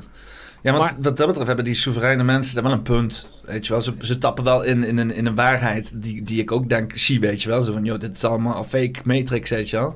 Ik heb ooit eens een, een heel mooi, mooi, mooi verhaal gehoord van iemand die dus eh, heel goed onderlegd was eh, wat zijn rechten betreft als soeverein mens. En die moest voor de rechter komen. En eh, op het moment dat, dan word je dus eerst word je voorgelezen, je naam, bent u dat? Toen zei hij, nee, eh, ik ben, eh, hoe heet het, ik ben een groot bewustzijn van vlees en bloed, een mens van vlees, vlees en bloed. Ik ben geen persoon. En die rechter die wist dus helemaal niet wat hij... En, op een gegeven moment zei hij ook van... Maar meneer de rechter, u bent de vertegenwoordiger van, eh, eh, van een bedrijf... die gaat oordelen over mij. Dat is hetzelfde als de bakker en de slager... die gaan bepalen hoe ik me moet gedragen. Dat soort dingen. Hoe is dat afgelopen? nou, dat, dat weet ik niet. Maar die rechter was op dat moment... die heeft echt de zaak verdaagd. Want eh, de- die wist gewoon niet hoe hij daarmee moest omgaan. Ja. Ja, het is, eh, ik ben heel veel van, van eh, dat soort mensen in, in gesprek gegaan. En ze willen heel graag dat heel veel mensen meedoen. Want ze hebben zoiets van, als we het met z'n allen doen, dan kunnen we het systeem verslaan.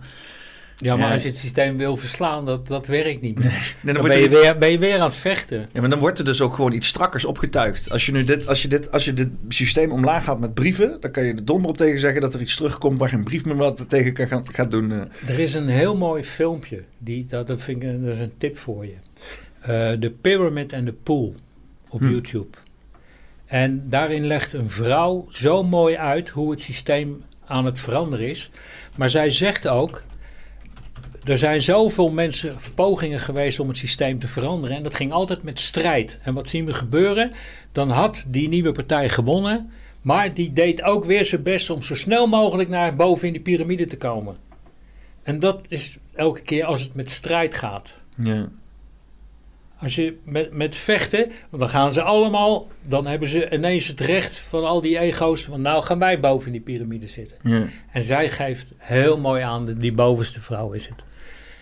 Hoe je dus die piramide wel om. Dat dat doet ze zo mooi. Oké, laten we even kijken. So, okay, some of you guys know that I have a PhD in sociology, and some of you know that I'm also a woo woo person who believes, has always believed, that sometime in my lifetime I would experience a global transformation of human consciousness. I don't know why I always believed that. I just always believed it, and that's part of why I studied sociology. So, what I am is somebody who has woo woo ideas and tries to test them scientifically. And I believe that we may be on the brink of, some authors have called it a kind of epidemic of awakening, that individuals may actually come into a state that is more enlightened and therefore create a better society than we've ever seen before. That is not what seems to be happening if you have checked the news at all. it kind of seems to be going the other way. But very often, it is at the extreme of one system that another system comes in. Like in Confucianist China, which was very rigid, you got the Taoists coming in to talk about a way of thinking that was incredibly fluid. So sometimes when you, it's like shooting an arrow. When you pull way back in one direction, it shoots things forward in an opposite direction. So here's what I think is going to happen, and it pertains to you, so please listen. the way our society is structured right now is like a pyramid. Here is a pyramid that I made myself out of sugar cubes. And it represents the, the power structures that come from the ability to force, to amass wealth, to kill, to harm, to dominate.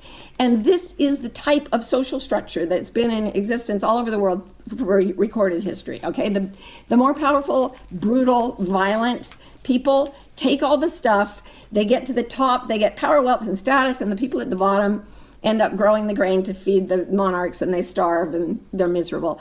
And every society has pretty much been that way. Powerful elite at the top, miserable working poor at the bottom.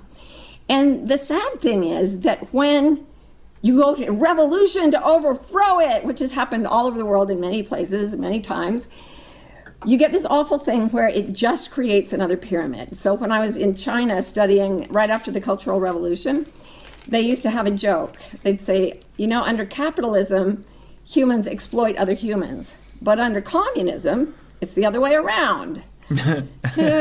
Not so great. Like the, the communists didn't do any better a job than the than the landlords who came before them. So everybody has always known that there's something unfair and wrong about this, but everyone wants to get to the top. And right now we have a society of people who are desperately trying to get to the top, just like they always have. And it seems to me like it's getting weirder and more sordid and more awful. And I think a lot of you have been feeling that way. That's what I see on Facebook. That's what I see when I talk to people. So, as a sociologist who believes in a transformation of consciousness, all my life I've been thinking, what would an enlightened society look like? Like if everyone was awake, what would it look like? What would the structure be? And what I came up with was it would be like this. It's a it's a just a pool of water. Yeah, I colored it blue for you.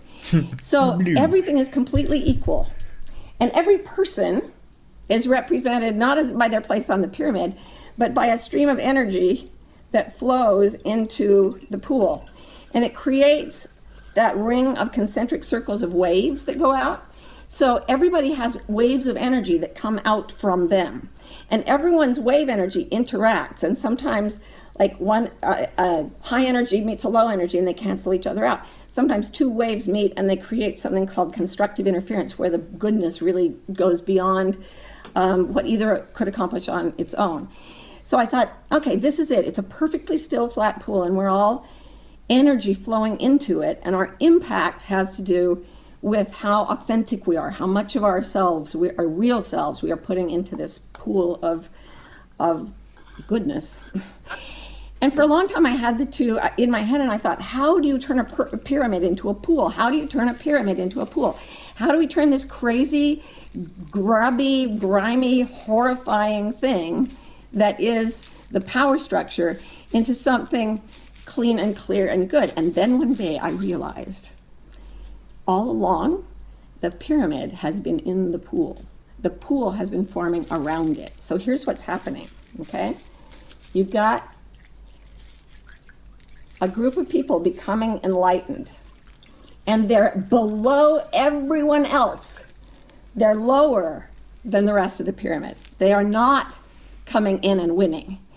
But from the bottom up, they are slowly dissolving the power structure.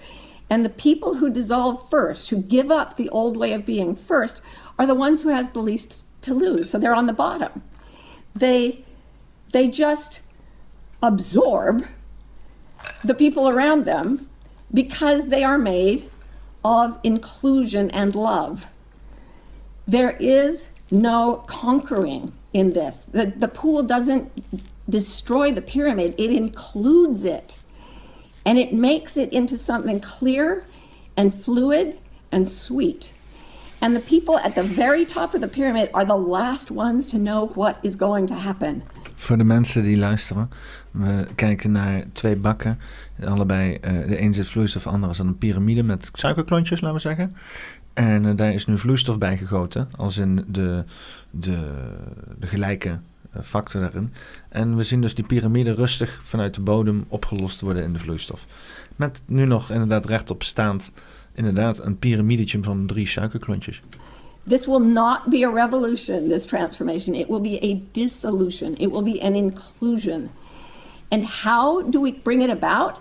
We dissolve the rigid power structures, the fear based, needy, hungry, violent parts of ourselves.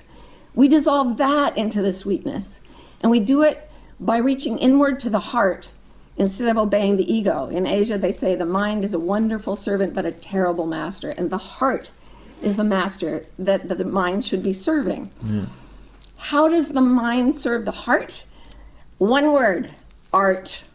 Well, a number of ways, but art is the primary one. There are certain people who breathe in their own authenticity. They go inside, they dissolve the obstacles to their own clarity, their own illumination, and then they find a way after that inhale to breathe out their message, their light, um, their energy to more and more people. And the people around them start to dissolve and become more like that. That's what happened around Jesus. That's what happened around Buddha.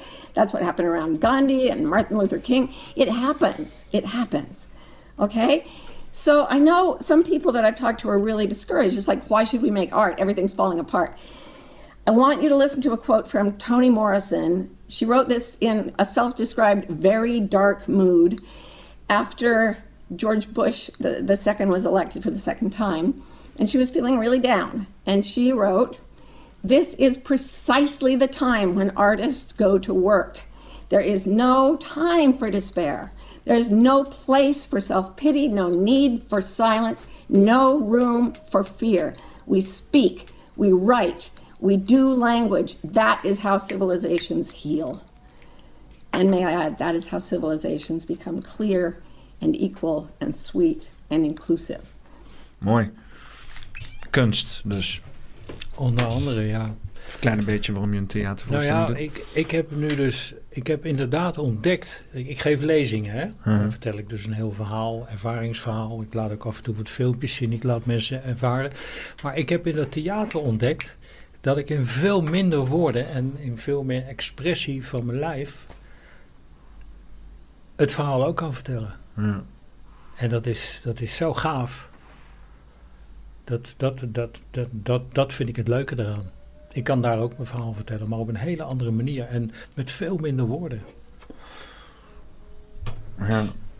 En zoals ik al zei, ja, ik, ik ben langzamerhand, eh, zit ik steeds meer in dat aanwezig kunnen zijn in het hier en nu. En ik ben nog geen Eckhart Tolle hoor, want, absoluut niet. Maar Word je ook nooit. nee, nee, dat, dat hoeft ook helemaal niet. Maar Jij bent, jij bent Gio. Ja, daarom. nee, daar heb jij helemaal gelijk in. maar ik merk wat een rust en een ruimte dat geeft. En niet alleen bij mij, want dat gaat ook voor mijn omgeving geldt dat. Ja. Dus ik merk echt hoe het, hoe, hoe het werkt voor mij en dat ik daar op die manier dienstbaar ben aan mezelf. En steeds meer erachter kom wie ik nou echt ben. En niet alleen maar dit, dit lichaam. Hoewel ik mijn lichaam ook steeds meer onvoorwaardelijk lief heb. En dit, dit, een lichaam is zo'n intelligentie, intelligentie, daar kunnen wij helemaal niet bij. Als je weet hoeveel biljoenen processen daar dagelijks in plaatsvinden zonder dat wij daar iets aan doen. Het wordt allemaal geregeld. ja. Dat is veel geavanceerder dan wat wij ooit hier Oh, kunnen maken, man. volgens mij. Ik communiceer nu met mijn cellen. Hm. En, en, en, en ik, ik, ik krijg respons. Ja.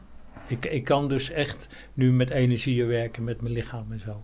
Maar dat, ja, dat vraagt gewoon een... eh, en, en iedereen echt een eigen weg. Ja. En Ja. dat vind ik geweldig. Ik ben blij dat dit zo'n positief gesprek is geworden. Oké, Dat had ik ook wel even nodig, denk ik. oké. Ja, ja. ja het is... eh eh, wordt er heel snel een doemdenker van. Blackpilt noemen we dat dan online. En dan Mhm. Is het een beetje zo van... Ja, alles gaat toch naar de kloten, fuck it.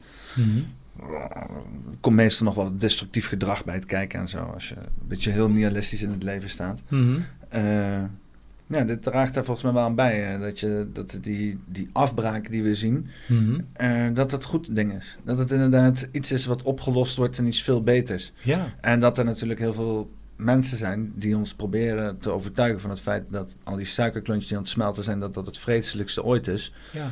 Maar dat is de kunst om dat gewoon lekker te laten zijn en eh, ja, gewoon ja, blijf in de pool liggen. op het, op het moment dat je... Laat je niet gek maken. Nee, ja, maar dat is het hem ook. Je hoeft daar helemaal niet aan mee te doen. Je kunt je eigen wereld creëren. En, en, en dan, ja, dan kan... Dan, ik zeg altijd maar van eh, op het moment dat ik onvoorwaardelijk, dat ik zo ver ben, hè, dat ik al mijn blokkades aangeleerd in mijn leven, me heb laten aansmeren, alle overtuigingen over me, negatieve overtuigingen over mezelf, dat ik zo ver ben dat ik onvoorwaardelijk van mezelf kan houden, dan kan ik dat ook van de hele wereld. Ja. En op het moment dat ik dat kan, dan zal niemand het in zijn hoofd halen om mij iets te doen. Omdat die, die energie, die, die, al- als iemand dat zou willen, dan komt hij niet eens in mijn buurt. Omdat die energie, die, eh, die, die, die zoekt hij niet op. Nee, ja, Daar ben ik echt van overtuigd. ja. Ik, ik, ik heb echt ervaren dat je je eigen tijdlijn kunt creëren. Tijdens het, het, het, het hele COVID-gebeuren.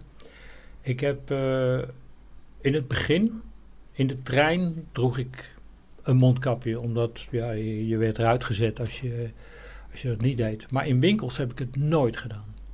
En later op het station ook niet meer. En ik heb ontdekt dat ik zorgde wel elke keer als ik een winkel binnenging dat ik in een hoge energetische trilling zat. Dat ik in compassie zat in mijn hart. Dat ik in vriendelijkheid zat. Geen oordeel over mensen die wel een kapje wilden dragen. Hm. En, eh, en ja, op een positieve manier naar binnen gaan. En ik heb echt ontdekt dat. Ik bijvoorbeeld eh, een verhaal. Dan kom ik, kom ik binnen bij de Albert Heijn en daar stond er zo'n eh, zo'n beveiligingsman bij het poortje. En dat was in het begin zo. En, eh, en ik zeg hem vriendelijk uh, goedenavond. En hij zegt datzelfde, doet het poortje open.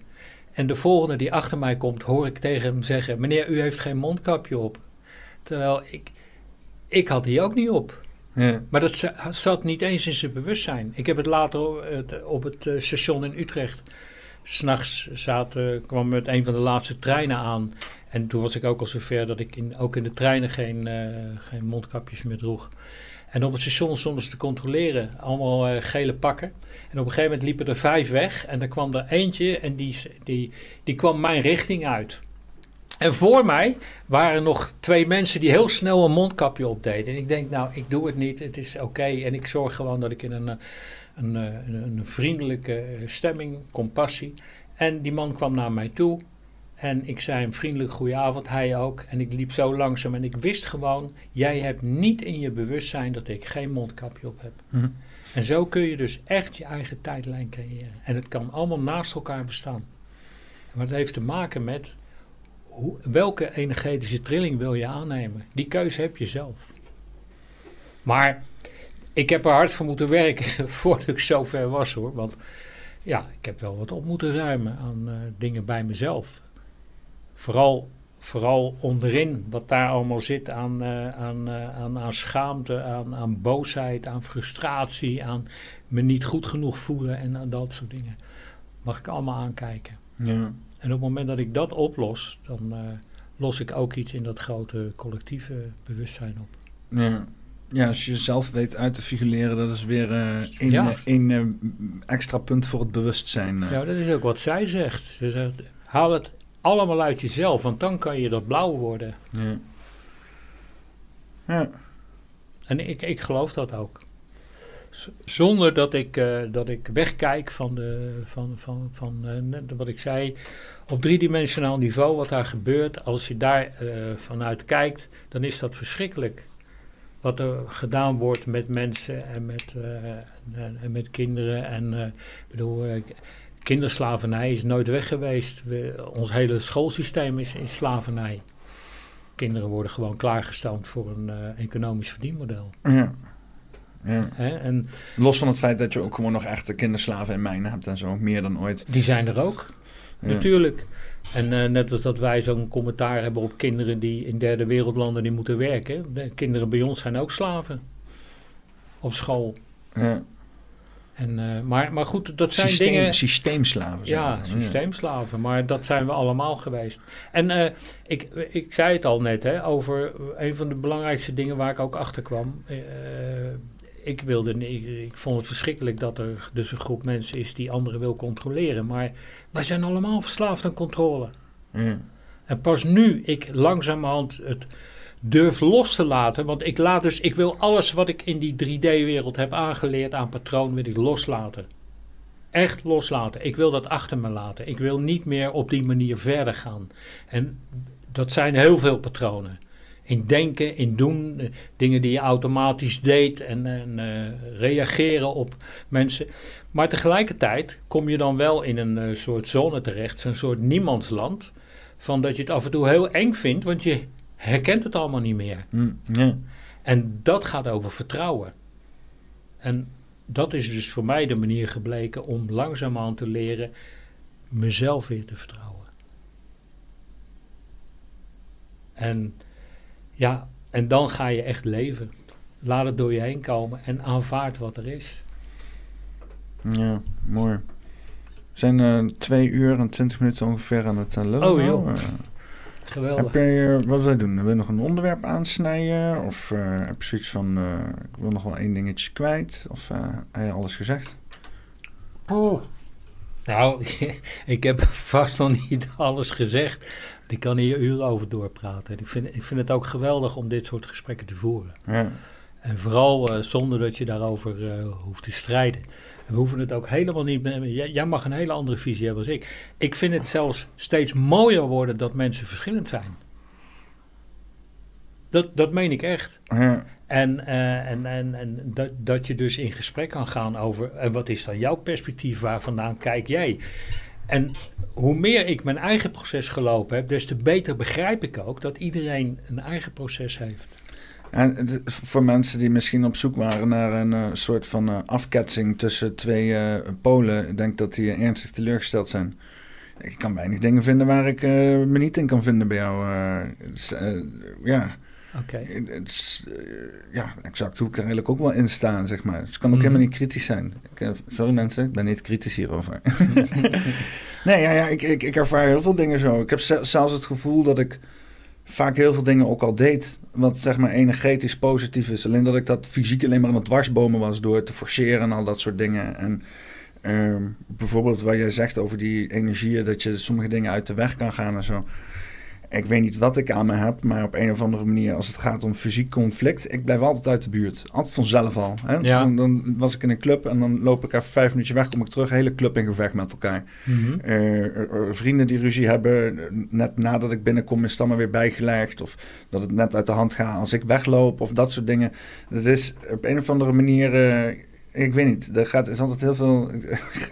Mhm. dat, dat klinkt mij ook heel erg bekend, zeg maar. eh, maar ik ben er nooit bewust mee bezig geweest of zo. eh. dat vind ik wel interessant. Hè.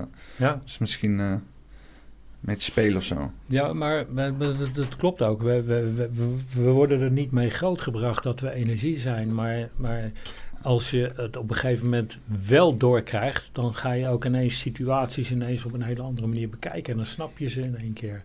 Ja.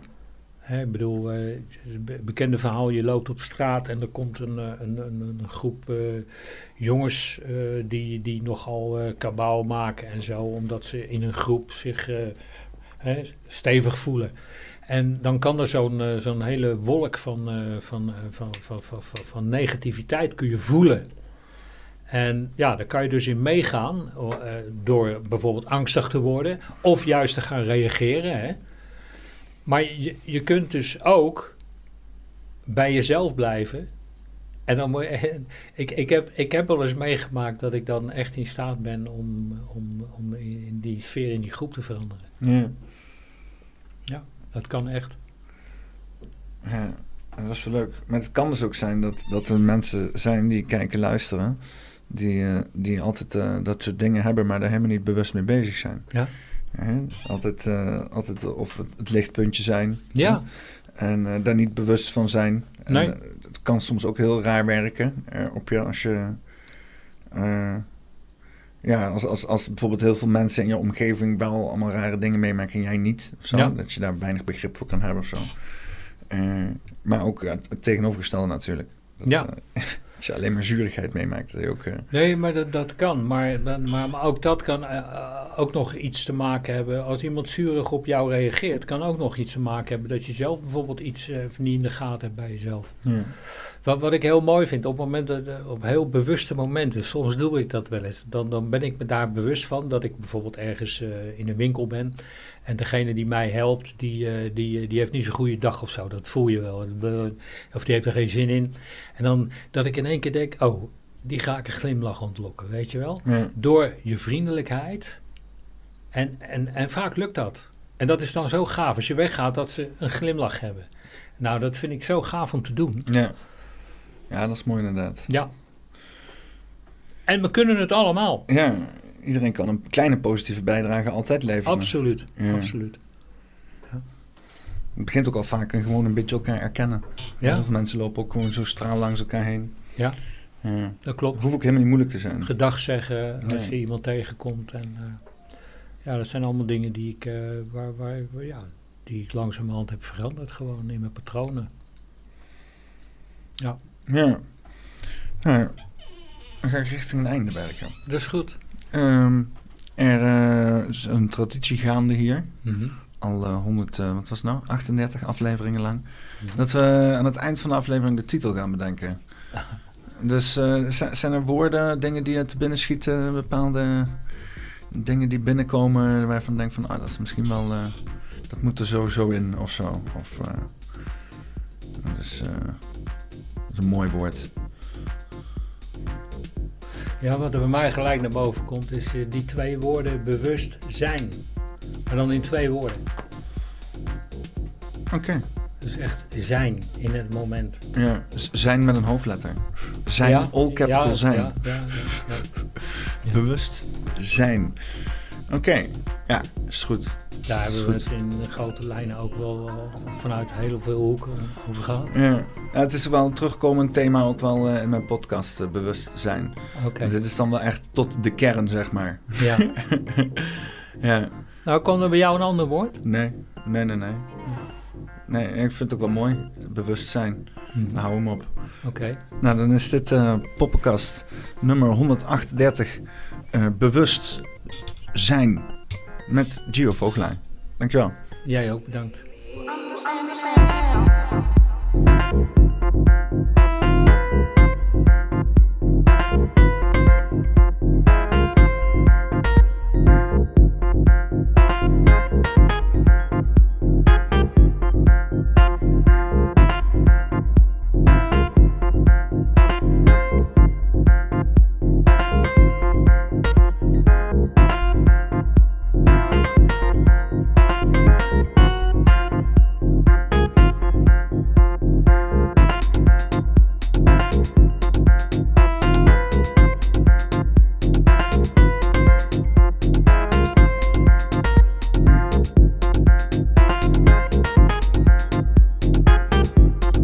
Deze podcast wordt gesponsord door Doc Collins. Breng ambacht weer terug in de schappen.